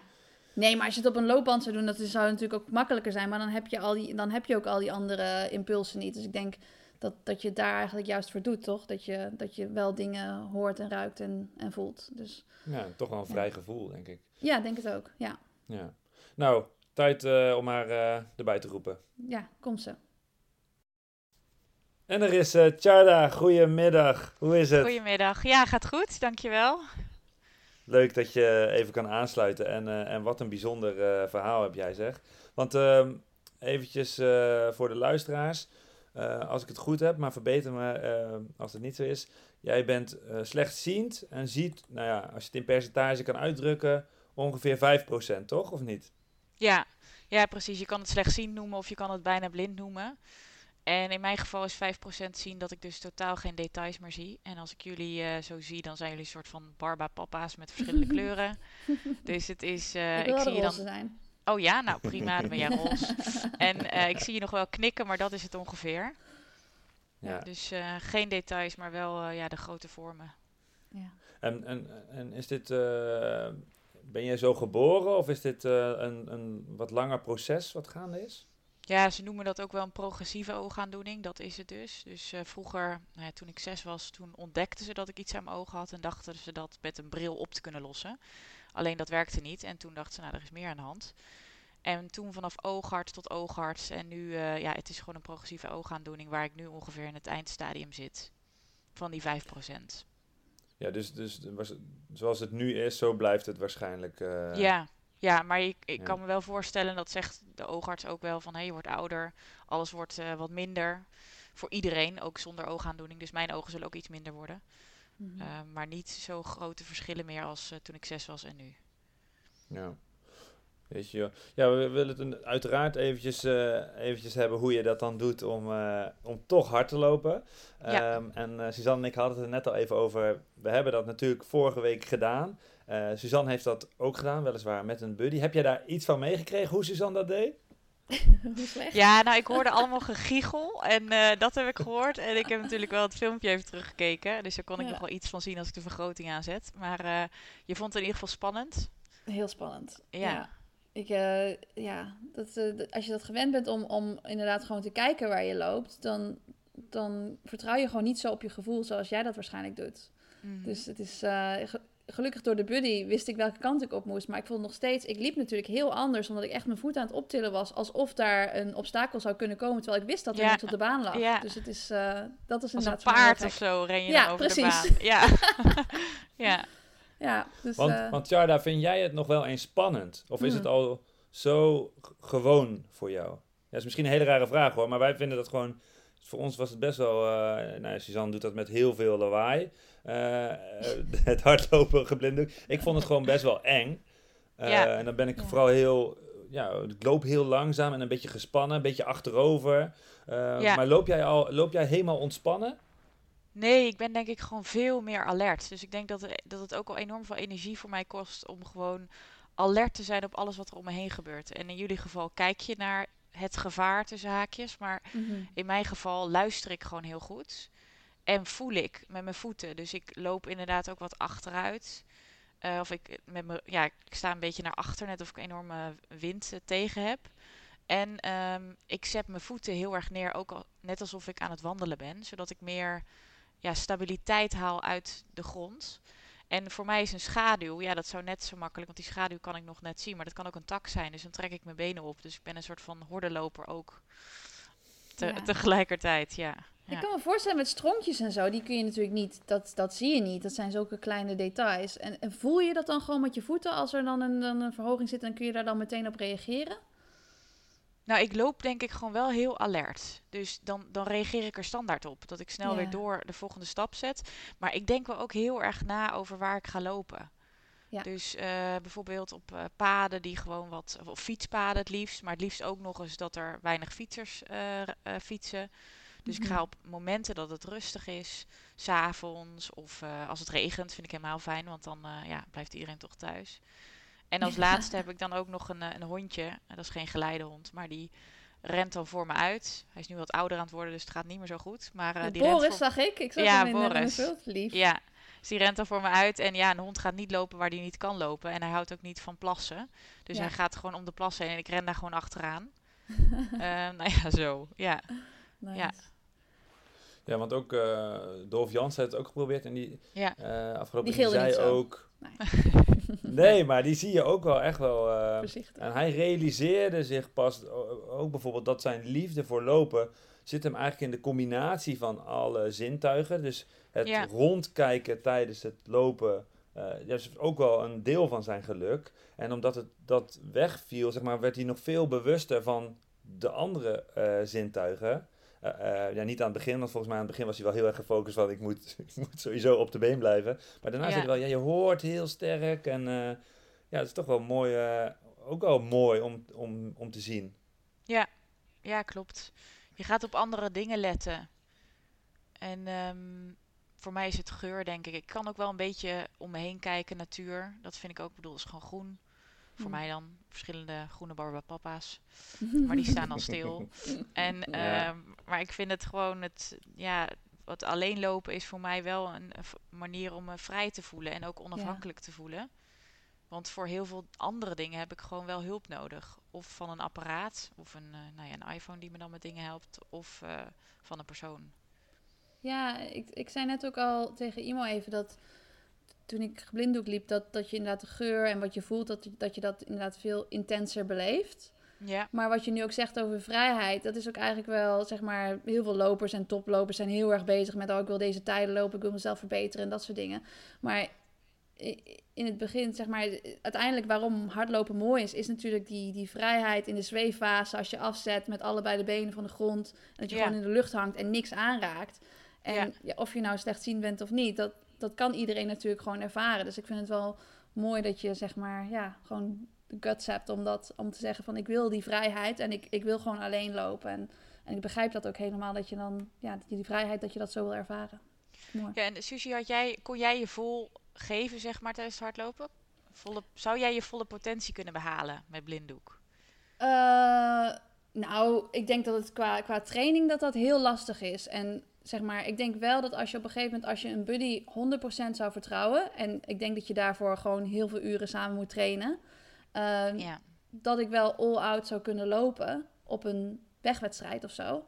Ehm, maar ik denk dat het, ja, daar moet, daar moet, er moet- gaat heel veel tijd overheen, denk ik. Nu merkte ik ook wel dat na een paar minuten dat ik, dat ik iets beter liep. Maar als ik dan naar de beelden terugkijk, denk ik nog steeds, ik, liep, ik loop helemaal niet zoals ik normaal loop, weet je. Dat Ja. is, dus dus qua, qua vrijheid was ik daar eigenlijk een beetje beperkt. Ja. Ehm, maar ik denk, ja, Want- ik denk dat het heel lastig is. ja, Want, eh, want Jarda, jij, ehm, eh, jij loopt zonder eh, buddy. Om, om, ik denk ook om dat vrije gevoel, zeg maar, dat je niet afhankelijk bent van, een- van een apparaat of een andere persoon. Maar jij, Mhm. jij hebt wel ook met, eh, met een buddy gelopen, toch? Ja, ja, ik woon nu ehm, eh, in Zeist en daar is het wat, wat rustiger. Maar hiervoor woonde ik in, ehm, in Amsterdam en dat is gewoon super druk. Dus dan, dan Mhm. is het niet eens, ook als ik om half zes ging hardlopen, dan was het een soort van druk in het Vondelpark. Dus ja, dat heeft geen zin. Dus toen had ik echt ook wel een buddy. En die hielp me. Uh, dat, dat was heel fijn. We zaten niet aan elkaar vast, maar we lopen gewoon naast elkaar. En zij vertelt waar obstakels zijn. Ik kan achter haar aanlopen als het druk wordt. Want dan, ja, niemand gaat meer voor mij aan de kant, want ik heb geen stok vast. En normaal, in het ja. normale leven heb ik wel een stok vast. Dus dan gaan mensen voor mij aan de kant. Mm -hmm. Dus dat was wel een, uh, een uitkomst, zeker. Ja. Is dat ook waarom je met een hesje loopt? Is dat dan omdat dan als mensen, want ik zag een foto met een hesje waarop staat ja. blind runner.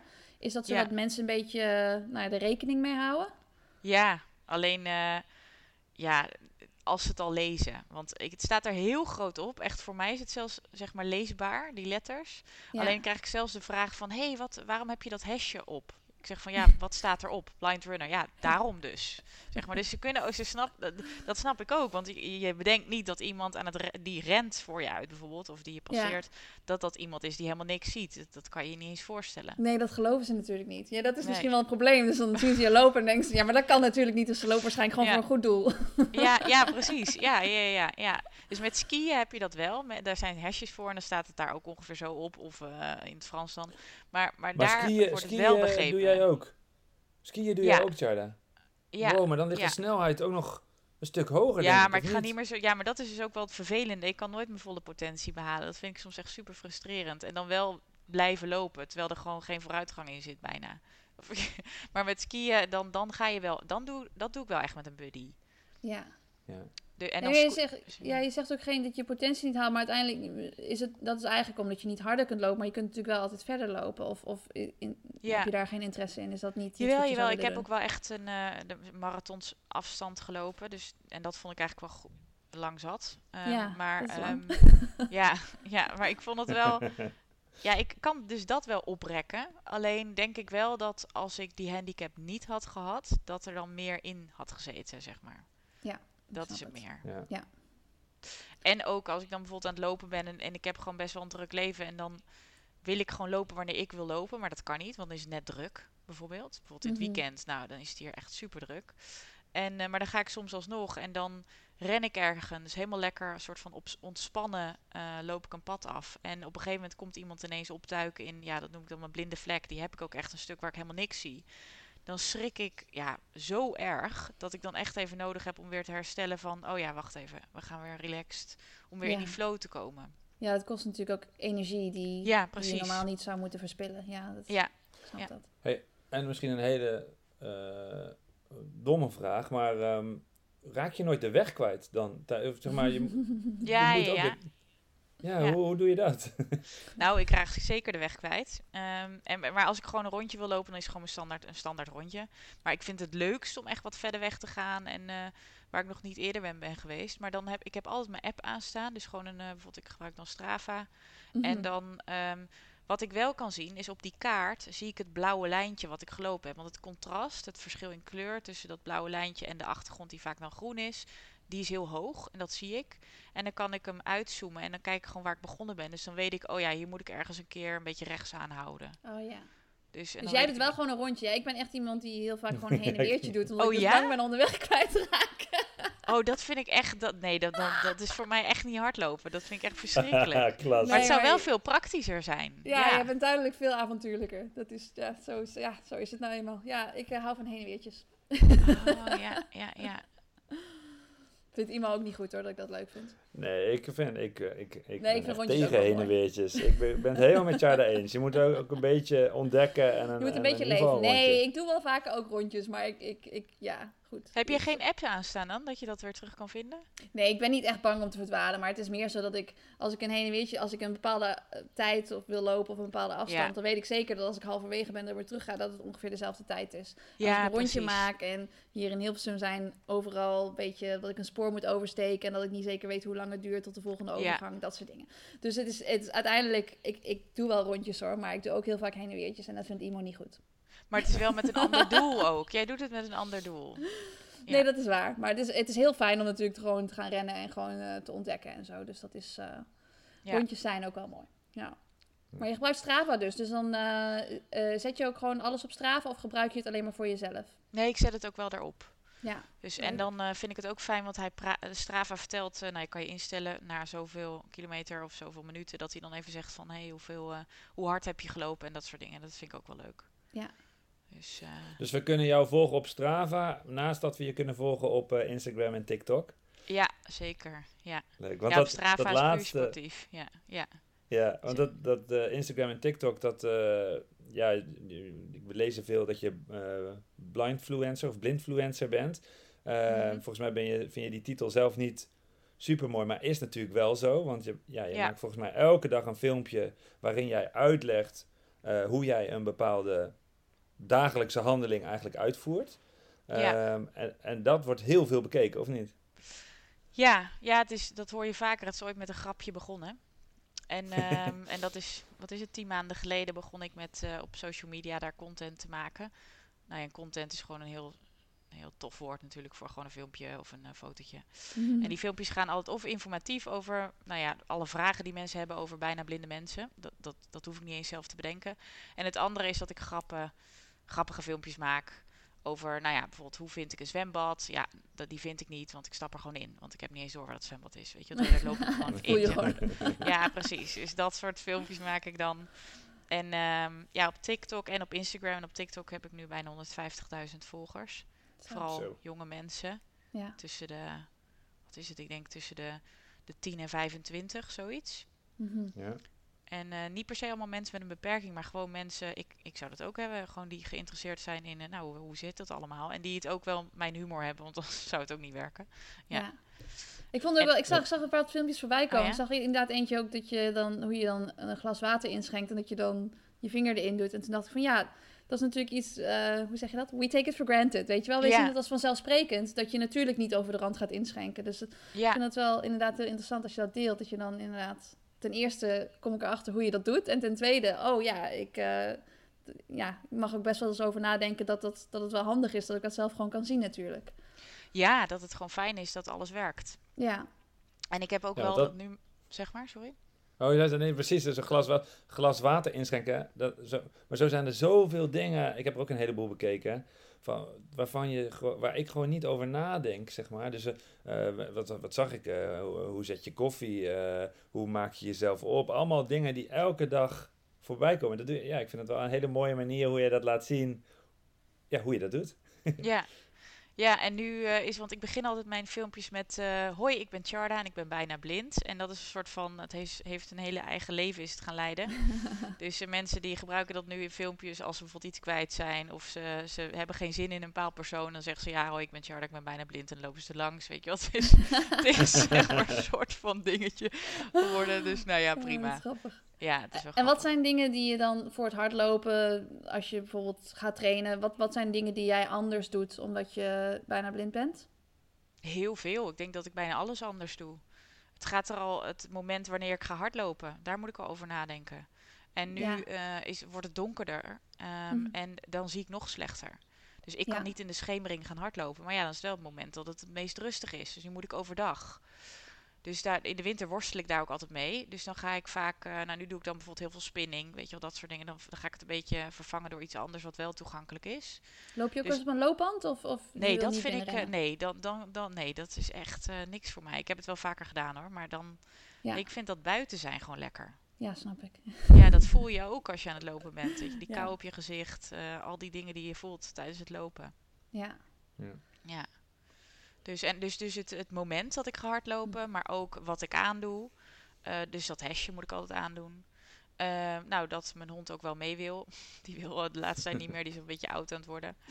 Dus, dus En dat. je, loopt nooit, je loopt nooit meer met iemand? Dus met, met je man of met je kinderen of met een vriendin of zo? Of? Ja, ik, dus mijn man wil wel vaker mee. Ik had ook wel vriendinnen die. Maar ik vind juist, ik weet niet wat het is, maar ik vind dat alleen gewoon heel fijn. Mhm. Ik vind het gewoon lekker en ik doe er zelfs ook wel muziek op. Dat klinkt heel eh, ja, tegenstrijdig, omdat ik ook moet luisteren om me heen. Maar die muziek doe ik gewoon Mm. een beetje zachtjes, haal ik wat eh, motivatie uit. beetje Oh. achtergrondmuziek. Ja, ja. Ja. Maar eigenlijk moeten we dus een soort van eh, simulator eh, regelen voor in de winter. Dat je dan in zo'n... eh, dat, Ja. dat het net lijkt of je buiten loopt en dan Ja. windje in je gezicht. En dan Ventilator misschien ervoor. ook een beetje zo, een beetje regen af en toe. Dat is Ja. lekker, in de regen Ja. lopen. En wat geur, dat kunnen we regelen.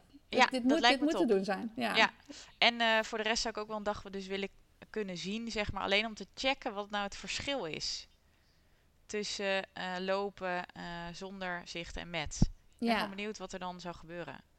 Ja. Dus, en ook mijn houding. Ik loop een beetje achterover. Maar ik, en bijvoorbeeld met één oog zie ik wat meer dan met het andere. Dus dan hou je je hoofd toch wat scheef. Dus allemaal van Mhm. die dingen die... Waardoor hardlopen wel wat lastiger is, zeg maar. Ja. Ja, want dat met die stabiliteit en zo, dat, dat had Ja. ik inderdaad wel heel erg toen ik op het gras liep ook. En, en wat ik ook eerder zei van, eh, ja, dit- dat ik, dat ik balansoefeningen doe en dat ik die met mijn ogen open doe. En dan ook even met mijn ogen dicht, omdat het dan, dan train je het nog meer. En dat is echt veel moeilijker. Ja, Ehm, dus dat betekent ook dat die, eh, hoe noemen ze dat, proprioceptie, dat dat bij jou echt heel erg ontwikkeld moet zijn om zo te kunnen lopen. Dus ja, dat Ja. is wel eh, van een ander niveau dan bij mensen die wel kunnen zien natuurlijk. ja, ja. Ja. Hey, en eh, nou, we hebben elkaar vorige week ontmoet. Om, eh, en toen haalde ik jou, eh, haalde ik jou op in, eh in Zeist bij jouw werk. Kun, kun- je bij het Bartimeus Fonds, kun je, kun je daar iets over vertellen? Want dat is natuurlijk wel ook een plek waar, ja, waar jij misschien ook wel echt het verschil kan maken. Ja, nee, zeker. Doordat je, ja, Hey, ik werk onder andere bij het Bartimeus Fonds. En daar houd ik me bezig met werk en onderwijs voor mensen met een visuele beperking. Dus ik wil zorgen dat, want nu werkt maar 29% van de beroepsbevolking met een visuele beperking heeft een betaalde baan. Dus dat is echt super weinig. Mhm. En dat is Ja. een onderwerp, onderwerp waar ik me mee bezighoud. En het Bartimeus Fonds Breed houdt zich breed bezig met mensen met een visuele beperking. Dus van het toegankelijk maken van een museum tot aan ehm, eh, toegankelijkheid van, ehm, van sportclubs, eh, tot aan eh, hoe kom je van A naar B. Want jullie gaan gewoon lekker met de auto of met de fiets of ja, wat je dan ook maar gebruikt. Eh, maar ik of mensen met een visuele beperking, die niet. Dus die moeten altijd bekijken, is het OV, is dat toegankelijk? Ehm, kan ik van A naar B komen lopend? Nou ja, dat soort dingen. Want, want eh, ik denk maar, of dat het in Nederland relatief goed geregeld is vergeleken met andere landen. Maar, maar wat zijn nou in jouw optiek, of in die van de Bartimeus Fonds, wat de dingen die echt nou, nog veel beter geregeld moeten gaan worden? Zowel in het dagelijks leven als specifiek voor sport? Nou, ik denk, nou, als het aan mij ligt natuurlijk werk, dat dat omhoog gaat. Want als je werk hebt, Ja. dan heb je financiële middelen om veel meer toegang te hebben tot alles wat Nederland te bieden heeft. Eh één, en, en qua sport, ehm, nou dat dat meer vanzelfsprekend wordt. Dat als je een sportclub hebt, of je, eh, dat, die ook, dat je ook bezig bent met toegankelijkheid. Mhm. Dus bijvoorbeeld, we zijn bezig met, eh, elke gemeente heeft vaak een soort van eh buurtsportcoach of sportcoach. En we zijn aan het kijken van dat we hen bijvoorbeeld leren van, nou, mensen met een visuele beper- beperking, wat kunnen ze wel en wat kunnen ze niet? En hoe kan je hen helpen om de goede sportclub te vinden? Eh, of de atletiekbaan of wat dan ook, hoe je zou willen rennen, als je wil rennen. En, en wat zouden andere lopers, want er zijn natuurlijk heel veel lopers die hier naar luisteren, wat zouden die kunnen doen om, om te helpen? Zelfs als je bijvoorbeeld bij evenementen of zo, of, of als je mensen aanmoedigt, of als je loopt, ja, of ja, als je iemand tegenkomt tijdens de training. Wat, wat is iets wat, wat mensen wat proberen goed te doen, maar wat niet goed gaat?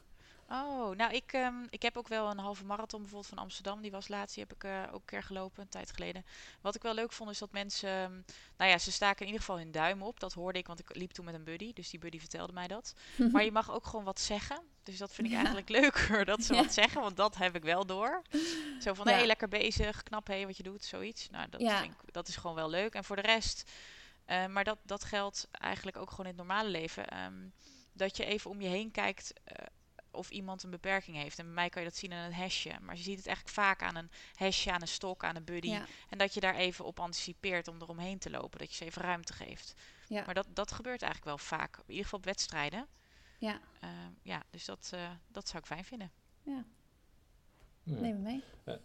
Want, want eh, jij zei net, dus het, eh het die probeert zeg maar, die, die, die drempels eh, letterlijk weg te halen. Maar Ja. of zit er ook aan de andere kant, dat proefde ik misschien ook wel een beetje uit je antwoord, eh, 29% eh, werkt maar. Is het, en en met sport weet ik niet eens, misschien nog wel lager. Is het ook een barrière voor een, iemand met een visueel, ehm, be- be- visuele beperking, omdat het, ja, die dat gewoon niet durft of die aangezet moet worden? Of, ja, of d- dat, is. Kijk, voor jullie, wat, het, het, heeft ook met durven te maken. Maar voor jullie, eh, jij denkt van, goh, laat ik eens even gaan hardlopen. Ik zoek even op Google waar de atletiekbaan in de buurt is. Of waar een leuk hardlooprondje is, waar ik nog een keer eventjes een, eh, een kroontje kan halen of zo in Strava. Dat is heel makkelijk, weet je, want dat kan je gewoon meteen gaan doen. Alleen Ja. iemand die een visuele beperking heeft, ja, die weet sowieso niet hoe die bij die sportclub misschien kan komen. Gaat er wel Mhm. een bus of een trein heen? Of die atletiekbaan. Die atletiekbaan om dat te overzien of te weten waar je moet rennen. Ik kan me voorstellen als daar heel veel mensen rennen, dat je ook niet helemaal snapt van welke baan mag je dan wel, welke niet. Ja. Ehm, je hebt vaak hulp nodig, dus je wil misschien die buddy organiseren. Dat moet je eerst dan allemaal afspreken. Eh, dus het zijn allemaal dingen en dan ben je nog niet eens aan het rennen. Dan doe je nog Ja. helemaal niks. Je bent het alleen mogelijk aan het maken. Mhm. Dus dan wat heel fijn is, is als mensen, zo bijvoorbeeld zo'n eh, zo'n sportcoach, maar ook gewoon instanties die zich hiermee bezighouden en die wij steunen, dat die, ehm, dat die iets meer op voorbereid zijn. Dus dat ze weten, oh ja, we hebben nu iemand die wil, eh, nou bijvoorbeeld paardrijden. Nou, dan weten we dat hè, dit paard wel handig is, dat paard niet. Dat, eh, nou ja, dat we vaak dingen moeten hardop moeten zeggen. Dat heb ik bijvoorbeeld ook met mijn Pilateslessen. Dan, eh, ja, ik zit soms heel eh, ingewikkeld eh, zit ik op die mat. Want dan zit zij verbaal uit te leggen wat ik moet doen. maar ja, dat is best lastig. Nee, nee, nee. Ja, we hebben er heel hard om gelachen elke keer. Maar ik zit er wel altijd heel bijzonder bij, zeg maar. Als ze, Ja. als ze net het woord verkeerd zegt of het verkeerde been Zo, zegt. Tjara, je bent lenig. Ja, ja, ja. Dus dat, weet je wel, ja, je kan er ook maar om gaan lachen. Maar het is gewoon Ja. Ehm, lastig. En ik denk wel dat eh, hoe bekender, hoe beminder. Dus hoe meer be- bekendheid we hier aan geven, hoe meer we denken van, oh ja, prima, weet je wel. ehm, je, dat mensen zich wat meer comfortabel voelen om bijvoorbeeld er even over te vragen. Want er is Ja. niet one size fits all. Het is gewoon meer dat ik merk dat veel mensen gewoon een beetje ingewikkeld vinden om bijvoorbeeld tegen mij te gaan praten om te vragen wat ik nodig heb of wat niet Mhm. hoe ze mij moeten helpen. Nou, als we het meer bespreekbaar maken, komt dat wel, wordt het steeds makkelijker, denk ik. Ja, maar ik denk Ja. ook wel met jouw verhaal ook in, in Runners World en eh, sowieso gewoon jouw verhaal in het algemeen, dat als anderen dat, dat horen, dat het, ja, dat is natuurlijk wel fijn om te horen Ja. dat, er, dat er een voorbeeld is van iemand die gewoon al- ook alleen gaat rennen, weet je, dat dat, dat, dat dus Ja. blijkbaar kan. Dus Ja. ik denk dat, eh, die, dat die voorbeelden, dat dat wel heel belangrijk is. Ja, en ook een, ehm, voor, voor iedereen zonder beperking of zichtbare beperking. Ik bedoel, ik kan me Mhm. voorstellen dat je ook soms denkt, denkt, ik heb mijn dag niet. Maar dan denk je gewoon aan, nou ja, sommige mensen zien helemaal niks en die gaan in de regen rennen. Laat ik ook toch maar wel gewoon gaan. Ja, je, dat is gewoon eh, die bepa- dat bepaalde zetje of die inspiratie, dat, dat helpt ook wel, Ja, denk ik, precies. hoop ik. Ja, Nee, zeker. en nog wel een, vraag ook over sporten. Hè? Want eh, de, jij geeft best wel veel voorbeelden. Dus eh, nee, ik was zelf al verbaasd ook over het skiën, maar ook pilates, eh, klasjes. Je hebt vroeger ook paard gereden. Maar dat zijn Ja. allemaal best wel, ehm je zegt individuele sporten.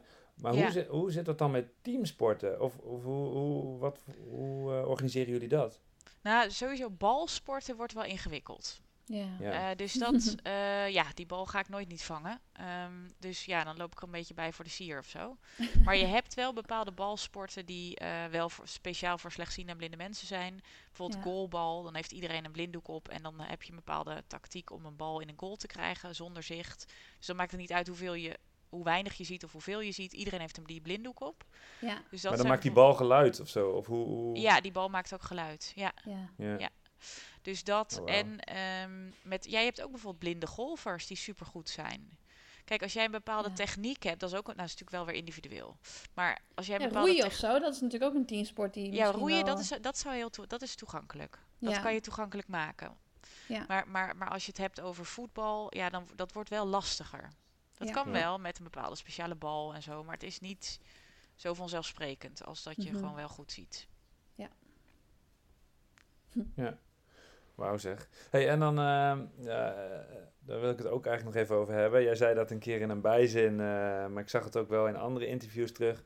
ehm, dat je ook een aardige ambitie hebt als het gaat om, eh, eh, ja, je wil burgemeester worden. Ja, Ehm, Ja. Sterker nog, de eerste vrouwelijke blinde burgemeester van Nederland. ja. Eh, hoe, hoe groot is die kans? Hoe gaat dat? Of, kun je daar iets Ja, hoe over groot is die vertellen? kans? Dat is niet aan mij, maar nou, ik doe er wel veel voor. Ehm, nou, het is, ik, ik- kijk, want ik werk bij het Bartimeusfonds, dat zei ik ook al onder andere. Ik ben ook gemeenteraadslid in Zeist en ik heb een eigen bedrijf waarin ik heel veel spreek. En eh, met al die dingen die ik naast elkaar doe, doe je wel ervaring op, op een bepaald Ja. stukje, wat ik kan gebruiken. En voor de rest doe ik ook een, ehm, een, eh, ja, een soort van traineeship, ze noemen het oriëntatieklasje van het ministerie van Binnenlandse Zaken om burgemeester te worden. Dus dat is vooral voor mensen die niet in het standaard profiel passen. Nou ja, wat is dan een standaard profiel? Dat is een beetje man van middelbare leeftijd. Dat is een beetje het standaard profiel, een blanke man. En ze willen daar wat verschil in brengen. Dus dan hebben we die klasjes elk jaar. En nou ja, ik mocht gelukkig meedoen. En voor de rest is het gewoon zoeken waar je zou willen wonen. En kijken of jij past bij hetgeen ze zoeken in die bepaalde gemeente. Want je moet ook echt Ja. verhuizen. Dus, Ja, dus eh, het moet een gemeente zijn waar je eh, niet te druk, waar je ook lekker kan hardlopen. Ja, En, ik eh, vind het wel fijn als het een beetje een groene gemeente is. En niet te groot. Niet een enorm stedelijk gebied. Dat hoeft niet voor mij. Ja. Mhm. Ja, dus die zoektocht gaat door. Ja, het is gewoon, dat, dat duurt lang. En maar Ja. ik vind het wel belangrijk, want het is niet veel mensen komen daarvoor uit dat ze die droom bijvoorbeeld hebben, burgemeester worden. Ehm, het ligt een beetje een, eh, ja, het is een beetje mysterieus. Maar ik vind het juist belangrijk om het te benoemen. En ook al lukt het niet, dan hebben misschien andere mensen ook dat ze denken, hé, hey, weet je wel, als zij dat al eh, die ambitie durft te uiten, dan ga ik dat ook gewoon doen, dat ik een bepaald iets graag zou willen. Dus ehm, ja, ik vind het ook belangrijk om dat andere mensen hier ook wat aan hebben eigenlijk. Het proces. Ja. Ja. Mooi. Ja. Oké, nou wanneer staat het volgende rondje hardlopen gepland? Eh, dit Want jij moet dat plannen. Ja, ik moet dat plannen. Ja, ja, ja. Nee, dus eh, maandag en woensdag doe ik een sportschool dingen. En dan in het weekend ehm, eh, wandelen en rennen. Dus het is niet meer zo makkelijk te combineren allemaal. Dus omdat het zo snel donker wordt nu. Ja. Dus dan heb ik dat Ja. spinning nu ook. Dan probeer ik daar een beetje rennend eh, op de fiets. ja, ja. Ja. En doe je nog aan wedstrijden mee, of aan evenementen, Nee. of dat doe je helemaal niet? Nee, doe ik eigenlijk, heb ik het toen een paar keer gedaan. En dat vond ik leuk, leuk om af te strepen, zeg maar. Ja, Eh, maar, maar je doet gewoon je eh, eigen evenement. Ja, dat vind ik eigenlijk het lekkerst. Ja, Ja. ja, ja. Ook leuk. Ja. Ja. Nou, mooi. Eh, dank eh, dank voor, dit, eh, voor je tijd, voor het interview. Eh Charda staat dus op de cover van de allernieuwste Runners World. En daar lees je ook het verhaal eh, over het leven van Charda. Nou, hartstikke bedankt. We gaan elkaar zeker nog zien. En eh, blijf lekker lopen. Zeker. Ja, Dankjewel. Succes met alles. Thanks. Oké, doeg. Doeg. Charda heeft net verteld eh, over het Bartimeusfonds, dat zich inzet voor mensen die slechtziend zijn of blind zijn. Onder andere voor meer en betere sportmogelijkheden. Ben je benieuwd wat zij allemaal doen of wil je hun werk steunen? Kijk dan op bartimeusfonds.nl en daar kun je ook donateur worden. Suzanne, we komen bij ons segment. Favoriete segment. Ja, dus ik hoef het niet te zeggen, want we hebben weer een tune. Start er maar in. Speeltje van de week. Speeltje van de week. Nou, jij gaat hem eerst laten zien, dan ga ik hem beschrijven. Kom maar op. Eh, ja, komt-ie. Dit is hem. De pinda. Dit is, dit, is, dit is een reuze pinda met roze stippen. De pinda, de pinda. Ja, ehm, ja, als ik pinda zeg, dan weet je al wat het is. Of noem je dit geen pinda? Ja, eh, volgens mij is het een, eh, een, gewoon een apart gevormde foamroller, of niet? Ja, nou, dit is dus... eh, ja, ze noemen het, in het Engels zeggen ze al, noemen ze het de peanut. Dus dit is de pinda. Eh, is omdat Ja. het natuurlijk twee ballen zijn die aan elkaar vastzitten. Gebruik je deze of niet? Nee, nee, maar ik heb dit, ja, ik heb dit wel eens gezien. Voor- Ja. Dit is, maar het is, ja, hoe groot zou die zijn? Het is het, twee vuisten, denk ik. Ja, precies. Ja. Eh, en dan kun je natuurlijk op rollen. En eh, deze zitten aan elkaar vast. Dit is gewoon één geheel. Deze is van schuim gemaakt, dus die is heel licht. Dus die is erg goed voor het reizen. Ik heb deze heel vaak in mijn tas mee ook, als ik gewoon ergens heen ga of zo. Want het, eigenlijk kun je hetzelfde mee als met een gewone foamroller. Maar hij is natuurlijk veel kleiner. Dus daarom heb ik hem altijd bij me. Dus ik gebruik hem eigenlijk best wel veel. Maar hiermee kun je dus bijvoorbeeld ook je quadriceps gewoon lekker rollen. Eigenlijk is hij voor je rug, hè? Want daarom heeft hij twee van die, van die ballen. En in het midden heeft hij een beetje ruimte. Zodat je ruggengraat er precies kan. En dan kun je precies zo achterop gaan liggen. En dan kun je zo alle spieren die zo verticaal lopen, kun je dan lekker rollen. Maar ik vind hem erg goed ook voor de quadriceps. En aangezien iedereen te veel zit en dat altijd gewoon te stijf is. En heel veel mensen niet per se met een, eh, een, foamroller willen rondsjouwen. Is dit een heel goed alternatief. En hij is ook niet te duur natuurlijk. Dus een heel goedkoop speeltje. Ehm, ik heb deze als set ergens een keertje gekocht. Volgens mij was het bij de Aldi of zo. Weet je, je hoeft er ook niet eens voor naar een, eh, naar een hardloopshop. En die heb ik als set gekocht. Een pinda met een balletje. En waren samen denk ik...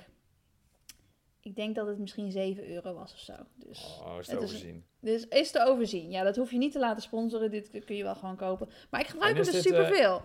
Ja, maar gebruik je hem... Voor zeg maar, is quadriceps het- en is eh, IT-bands ook. Ja, ja, maar is het routine of is het als er een probleem is? Nee, het is routine. Dit is er altijd. Want Ah. altijd voordat ik ga lopen, als er, zelfs als ik heel weinig tijd heb, dan is er één ding wat ik heel belangrijk vind, is dat die, dat die quadriceps dat die niet te kort zijn. Wat je natuurlijk inderdaad als je zit en dan die hip flexors en aan de voorkant is allemaal heel kort. En als dat zo is en als je dan gaat lopen, dan overbelast je eigenlijk allemaal spieren en pezen, zeg maar Achillespees, uh, hamstring, lage rug. Ehm, dat is niet goed. Dus zeg maar de quadriceps losmaken en de gluteus maximus activeren, dat, zijn, dat is het minimale wat ik doe voor een training. Ehm, en als ik dan uh, die quads, als ik die dan ga rekken, en dan moet ik hem ook even rollen. En dat doe ik dan dus vaak met de pinda, in plaats van met de foamroller. Nou, Dus, cijfer? Cijfertje. Ja, ik vind het moeilijk, want ik heb al best wel veel hoge cijfers gegeven. Maar dit is misschien wel wat ik het meeste gebruik. Terwijl het niet, er zit natuurlijk geen technology in. Hè? Dit is niet zoals een spannende massage gun of zo. Ja, ik weet het niet. Ehm, ik denk toch wel dat we dit een 8,3 gaan geven. 0,3 ook, klasse. Vandaag 8,3. Nou, prima. Ik zet hem eh, in de show notes. Ja, doe dat. Eh, de pinda van Suzanne was het speeltje van de week. Ja. En dan eh, is het nu tijd, Suzanne, om eh Johanny Gelens er even bij te roepen. Want ehm, zij is regerend Nederlands kampioen op de 15 kilometer. eh, running blind. En zij doet dit jaar, dat is volgende maand, in eh, Nijmegen doet zij weer mee. Ehm, ja, dat is best wel bijzonder, want dus met een visuele beperking hardlopen... eh, je hebt het zelf ervaren, Suzanne. Dat is, eh, dat is spannend. Zij doet dat met een buddy, dus eh, ja, ik heb daar zelf wel allemaal vragen over. En ik vind het heel leuk eh, dat ze even bij ons aanschuift. Uh, Johanny, goedemorgen. Goedemorgen. Leuk om Nou, erbij dank, te voor, zijn. dank voor je komst. Hoe is het? Ja, goed. Lekker.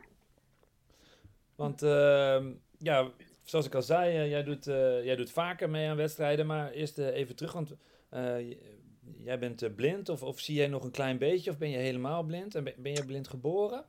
Eh, ik, ja, zoals het netjes heet, ik ben maatschappelijk blind. Eh, ik zie nog wel schimmen en het verschil tussen licht en donker. Daar ben ik niet mee geboren. Tenminste, met mijn netvliesaandoening, ik heb RP, ben ik wel geboren. Alleen toen had het zich nog niet ontwikkeld. Dus tot halverwege mijn twintigste heb ik gewoon altijd alles kunnen zien. En RP begint met nachtblindheid en dan langzaam eh, wordt je koker van 180 graden steeds kleiner. Eh, dus het is eigenlijk een, een, een progressieve oogziekte die langzaam steeds verder achteruit gaat. En, en in wat voor tijdsbestek gaat het dan van, van, eigenlijk, eh, van die 180 graden naar, eh, naar de situatie zoals die nu is? Eh, wat ik nu heb is al een aantal jaren stabiel, maar dat het zo hard achteruit gegaan is ook al vooral gekomen door hormonale veranderingen door eh, zwangerschap. Eh, bij mijn tweede zwangerschap is het wel iets harder achteruit gegaan, maar omdat het zo'n sluimerende oogziekte is, vind ik persoonlijk, zijn het kleine dingen die je op een gegeven moment niet meer kan. Je kan bijvoorbeeld eerst nog met een pen schrijven, keurig op een lijntje. Eh, de vervolgstap is dat je bijvoorbeeld na een jaar zoiets hebt van, oh, dat wordt wel lastig, ik ga een stift pakken. En twee jaar later kom je erachter dat je nog wel met een stift kan schrijven, maar dat je het lijntje niet meer ziet. Dus het is eigenlijk heel eh, geleidelijk, waardoor je niet eigenlijk kan zeggen van, eh, het is natuurlijk wel een verloop van 20, 25 jaar, waardoor het is waar het nu is, mijn slechtziendheid. Maar je kan niet specifiek zeggen van, goh, toen ik zo was, eh, toen oud was, is het gigantisch achteruit gegaan. Nee, het is gewoon echt eh, geleidelijk bergafwaarts in 20, 25 jaar gegaan. Heftig. Hey, en en eh, dat, het hardlopen, deed je dat al, al heel je leven of ben je daarmee begonnen nadat je zicht achteruit ging? Nee, ik, ik heb in mijn jeugd wedstrijdturnen gedaan. En toen liep ik voor de fun wel eens gewoon vijf kilometer. Maar eh, eigenlijk gewoon om conditioneel goed, in, eh, eh, goed te blijven.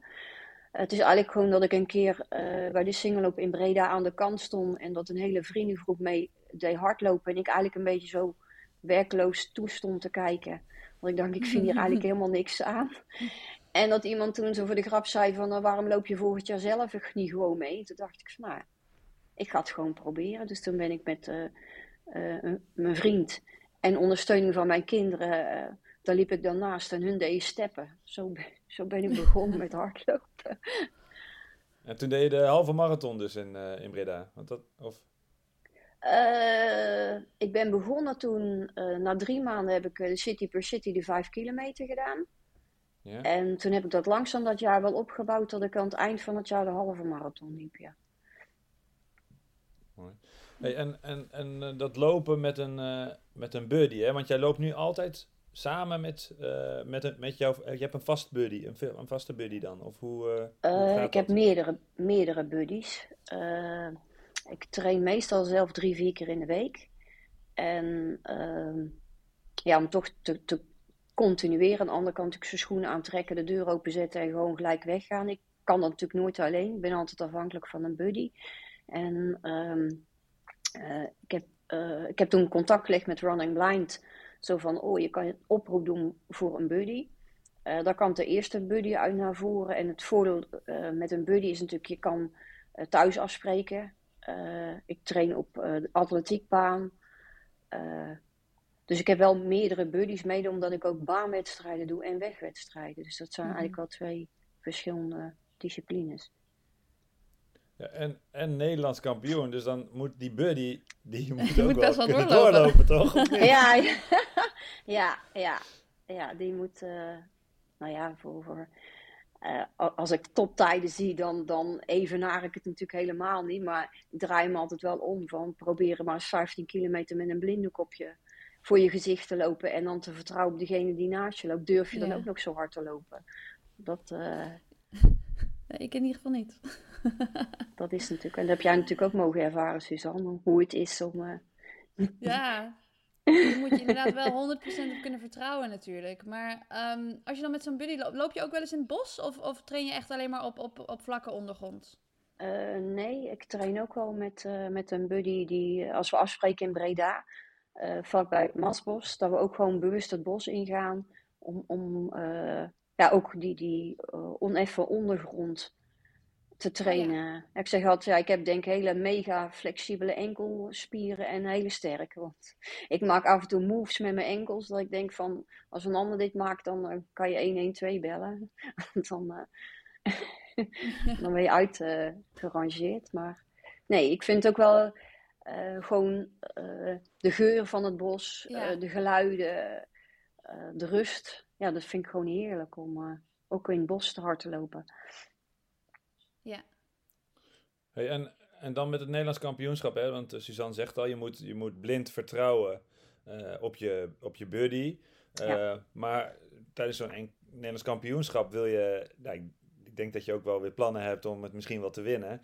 Heeft dan de buddy ook als taak, oké okay, Johannie, we liggen, nu, we liggen nu los, we liggen 50 meter op de nummer 2 voor. Of hoe, hoe, is die ook op zo'n manier jou aan het coachen? Of? Uh, nou, om terug te komen op drie jaar geleden, toen, toen, was natuurlijk het laatste NK. En toen had ik wel van, uh, continu wel de feedback met mijn buddy, mijn de, toenmalige buddy, van hè, lopen de mensen van Running Blind voor ons? Dat, want het was natuurlijk toen voor het eerst dat ik überhaupt meedeed met een, een wedstrijd vanuit Running Blind georganiseerd. Ik had gewoon totaal geen idee uh, waar, met wie ik moest levelen of wat voor niveau hun liepen. Dus toen was het voor mij wel heel erg spannend, zo van, oh, eh, om, te kijken van, hoe doe ik het eigenlijk in dat slechtziende hardloopwereldje. En ja, als je dan echt als eerste echt weggaat en je blijft eigenlijk 15 kilometer op kop lopen, ja, dan geef je wel een euforisch gevoel zo van. dus dat is inderdaad wel dat ik wel afspraken heb met mijn buddy zo van hè, wie loopt er voor ons en hoe ver is dat dan en wat ja dat we dat ik hem nu wel stabieler wil lopen als, als drie jaar geleden toen mm-hmm. ja ging het meer harder en zachter en, en af en toe uitrusten en dan denk ik je kan beter stabieler lopen ja, wat ik me wel afvroeg is, um, kijk, met zo'n zeven heuvelen lopen zijn er natuurlijk best wel veel heuvels in het parcours. Ja. en als ik dus een wedstrijd loop, dan, dan kijk ik natuurlijk ook naar de heuvel van hoe stijl die is en, en hoe ik dat moet gaan indelen. Um, hoe, hoe doe jij dat dan? Vertelt je buddy dan hoe, hoe ver die heuvel is of hoe, hoe, hoe stijl die is? Of, of hoe deel je dat dan in? Uh, nou, ik ben natuurlijk al nu wel weer bezig met, met viaduct trainen. En dan is het inderdaad gewoon, uh, ik loop hem op, op met techniek. En uh, af precies hetzelfde. En hoe hoog of Ja. hoe, dat die is, ja, dat is gewoon. Als je op een gegeven moment, dan vraag ik meestal wel, of zijn we al een beetje halverwege of hoe ver moet ik nog? Ja, maar het is, het is heel moeilijk in te schatten om, om aan je buddy te vragen van nou, hè, deze gaat 10% omhoog. Want hoe kan je visualiseren dat het 3, 4, 5 of 10% is? Dat is gewoon, het is gewoon eh, ho- hopen dat de top snel in beeld is en dat je denkt van yes, dan mag ik naar beneden. ja, Ja, dus je, loopt meer op gevoel eigenlijk. ja. Ja. Ja, ik loop echt puur op gevoel en niet je bij heel veel hoor van eh, je hartslag wordt te hoog, dus je moet naar beneden en lager. Of ja, dan krijg ik denk ik zoveel prikkels en impulsen dat ik het, het stukje genieten kwijtraak. En dan denk ik van eh, nee, ik, vandaar dat met je buddy lopen communicatie ook zo belangrijk is. Dat je even aangeeft van goh, hè, dit tempo red ik even. Je moet er even echt een stapje terug. En, en of Ja. dat je aangeeft van goh, hè, dat, eh, even te veel prikkels. Je zegt ook van dat je als je in het bos loopt, dat je dan, eh, dat je dan het geluid van de, van de vogels en de natuur, dat je dat, dat je dat fijn vindt. Eh, Ik vond in ieder geval met, met dat blinddoek dat je dat inderdaad veel intenser in ervaart wat je allemaal hoort. Heb je dat bij een wedstrijd dan ook, dat je dan het publiek, dat dat dan echt heel veel lawaai is als je dan richting de finish gaat en zweept dat je echt op of niet? Eh, ja, dat geeft je wel inderdaad gewoon zo'n boost. Zo van, oh, dat je wel harder gaat lopen. Alleen er zijn natuurlijk in, in wedstrijden ook wel eens eh, ja, cruciale stukken. Bijvoorbeeld met eh, scherpe bochten. Of, of juist heel een, een bruggetje op of af. En als daar op dat moment dan hele harde muziek staat, ja, dan stoort het me echt. Want dan heb ik van, op dit punt hadden ze dit nou net niet moeten zetten. Maar als je inderdaad gewoon eh, die mensen aan de kant en je weet dat je er bijna bent en je hoort iedereen zo klappen, ja dan, of ze roepen mijn naam alleen al, dan ga ik echt altijd wel een stap harder. Ja. En, en ja, als je gewoon in, in de menigte loopt, eh, ja, ik neem, denk niet dat een andere loper erop let, maar gewoon de cadans van iedereen zijn schoenen. Ja, nou dat dat gewoon een heerlijk gevoel is en geluid zo van dat je meegaat in de cadans van eh, de schoenpas van iemand anders. Want dat is waar je met je, oh, met je buddy ook heel erg op let. Van, eh, het is niet alleen die aanwijzingen van links en rechts. Ik vind het gewoon ook heerlijk om naar elkaars pasfrequentie te luisteren. En, eh, ja, de meeste buddies van mij zijn mannen, dus die hebben grotere passen. Dus we lopen niet gelijk. Maar ik vind dat ja, een heerlijk ontspannen geluid. Ja, gewoon dat ritme. Ik, kan me dat helemaal voorstellen. Ik Dat vind het ook altijd wel mooi. Vooral als je in een wedstrijd, als je dan net gestart bent, dan is er eerst nog heel veel lawaai. En dan na één kilometer of zo bij de Zevenheuvelloop, als je dan zo een beetje you know, de startgedeelte uitloopt, dan is het inderdaad best wel rustig. En dan hoor je inderdaad al die passen van de andere lopers. Ik vind dat ook wel, eh, dat heeft iets moois, dat je dat samen doet. Oké, nou Johanny, heel veel succes over een maand eh, tijdens de Zevenheuvelenloop. Ehm wat voor tijd denk je te gaan lopen daar? Eh, mijn vorige tijd was 1.12.58. En ik, eh, mijn, mijn doel is als ik hem stabieler loop, dat ik hopelijk wel onder die tijd ga zitten. Maar het is ook wel ervaren met baanwedstrijden dat ik denk van, oh, ik ga dit record wel even verbeteren. Dat dat eh, niet altijd meevalt. En het is ook natuurlijk hoe, hoe de dag is. Hè? Hoe, hoe is jouw dag? Hoe is je dag van je buddy? En eh, Mhm. alle mensen die voor je lopen, die je allemaal wel in moet halen. Dat eh, kan ook wel eens nodige frustratie opleveren. Dus eh, ik, ik ga mijn best doen. Heel veel succes. Mooi. Dank je wel. Ja, heel veel succes en eh, nou, iedereen de oproep om, eh, om jou heel hard aan te moedigen, maar niet in een scherpe bocht. Maar voor de rest Nee. mogen we je zo hard aanmoedigen als we willen, toch? Precies. Ja hoor. Heel veel succes en dank, eh, dank dat je even aansloot. Graag gedaan. De stichting Running Blind helpt mensen met een visuele beperking te genieten van hardlopen. Een buddy zorgt ervoor dat de veiligheid van een loopmaatje niet in gevaar komt. Kijk voor meer informatie of geef je op als buddy via runningblind.nl. Zo, zijn eh, bijna aan het einde. Drie hele mooie gasten. Eh, jij nog leuke plannen, Suus? Eh, leuke plannen. Ja, gewoon trainen natuurlijk. En volgende week, volgende week woensdag, de 26e, ga ik weer een clinic doen voor de Zevenheuvelloop in Nijmegen. En dat is voor de mini Zevenheuvelloop. Dus dat is altijd heel leuk. Dat alle kinderen van de basisschool mogen daar meedoen. Dus je kunt je trouwens ook nog opgeven daarvoor. Maar het is wel in Nijmegen, dus het is... ja, dan gaan we Maar dus... hoe mini? Kan, kan, kan? Kajo meedoen? Kan Kajo eh, meedoen? die- basisschoolkinderen. Alle, Oh. Iedereen van de basisschool. Dus eh mogen allemaal meedoen. En dan gaan we natuurlijk sowieso hasballen. En eh, we gaan er gewoon een hele leuke kliniek van maken. En dat is dus de 26e. Ehm, en om drie uur. Dus nou ja, mocht je nog ergens een stukje verder van Nijmegen komen, dan heb je nog even de tijd om naar Nijmegen te komen. Dus eh, Ik hoop dat er heel veel kids zijn dan. Dus eh, ik kreeg al veel, eh, veel te horen van mensen die zich aanmelden, zelfs eh, vanuit Tilburg en zo. Dus eh, nou, we zijn benieuwd. Wordt leuk. Nou, leuk. ja, Veel dus wat gaan plezier. we doen? Jij gaat natuurlijk verder herstellen met je beentjes. Ik Denk ja, niet ik meer heb de regel. eh, de regel is eh, in de week na marathon mag je nog niet praten over nieuwe doelen. Oh, echt Eh, waar? Je moet ja, even laten nee. bezinken. Dus je moet eerst gewoon een weekje lekker even gewoon... ja, ik denk dat ik wel weer een keer een rondje ga lopen, maar eind van de week of zo. Ehm, maar... Moet eens een keertje nou, samen niet- een rondje gaan rennen. Dat lijkt me leuk. Ja, dat is goed. Kijk of je dat kunt, eh, in je planning kan verwerken. Gaan we doen. Ja, kom, kom maar aan. de volgende podcast bespreken. Is goed, leuk. Oké. Oké, hey, en ehm, zo zijn we helaas aan het einde gekomen van de 75ste aflevering van Suzy Q&A. Dank Galit, dank Tjarda, dank Johanni. Uiteraard ook dank aan mijn podcastmaatje en topsupporter Suzanne. En dank u beste luisteraar voor het luisteren. Ook namens Suzanne, blijf luisteren en lopen. Hoi!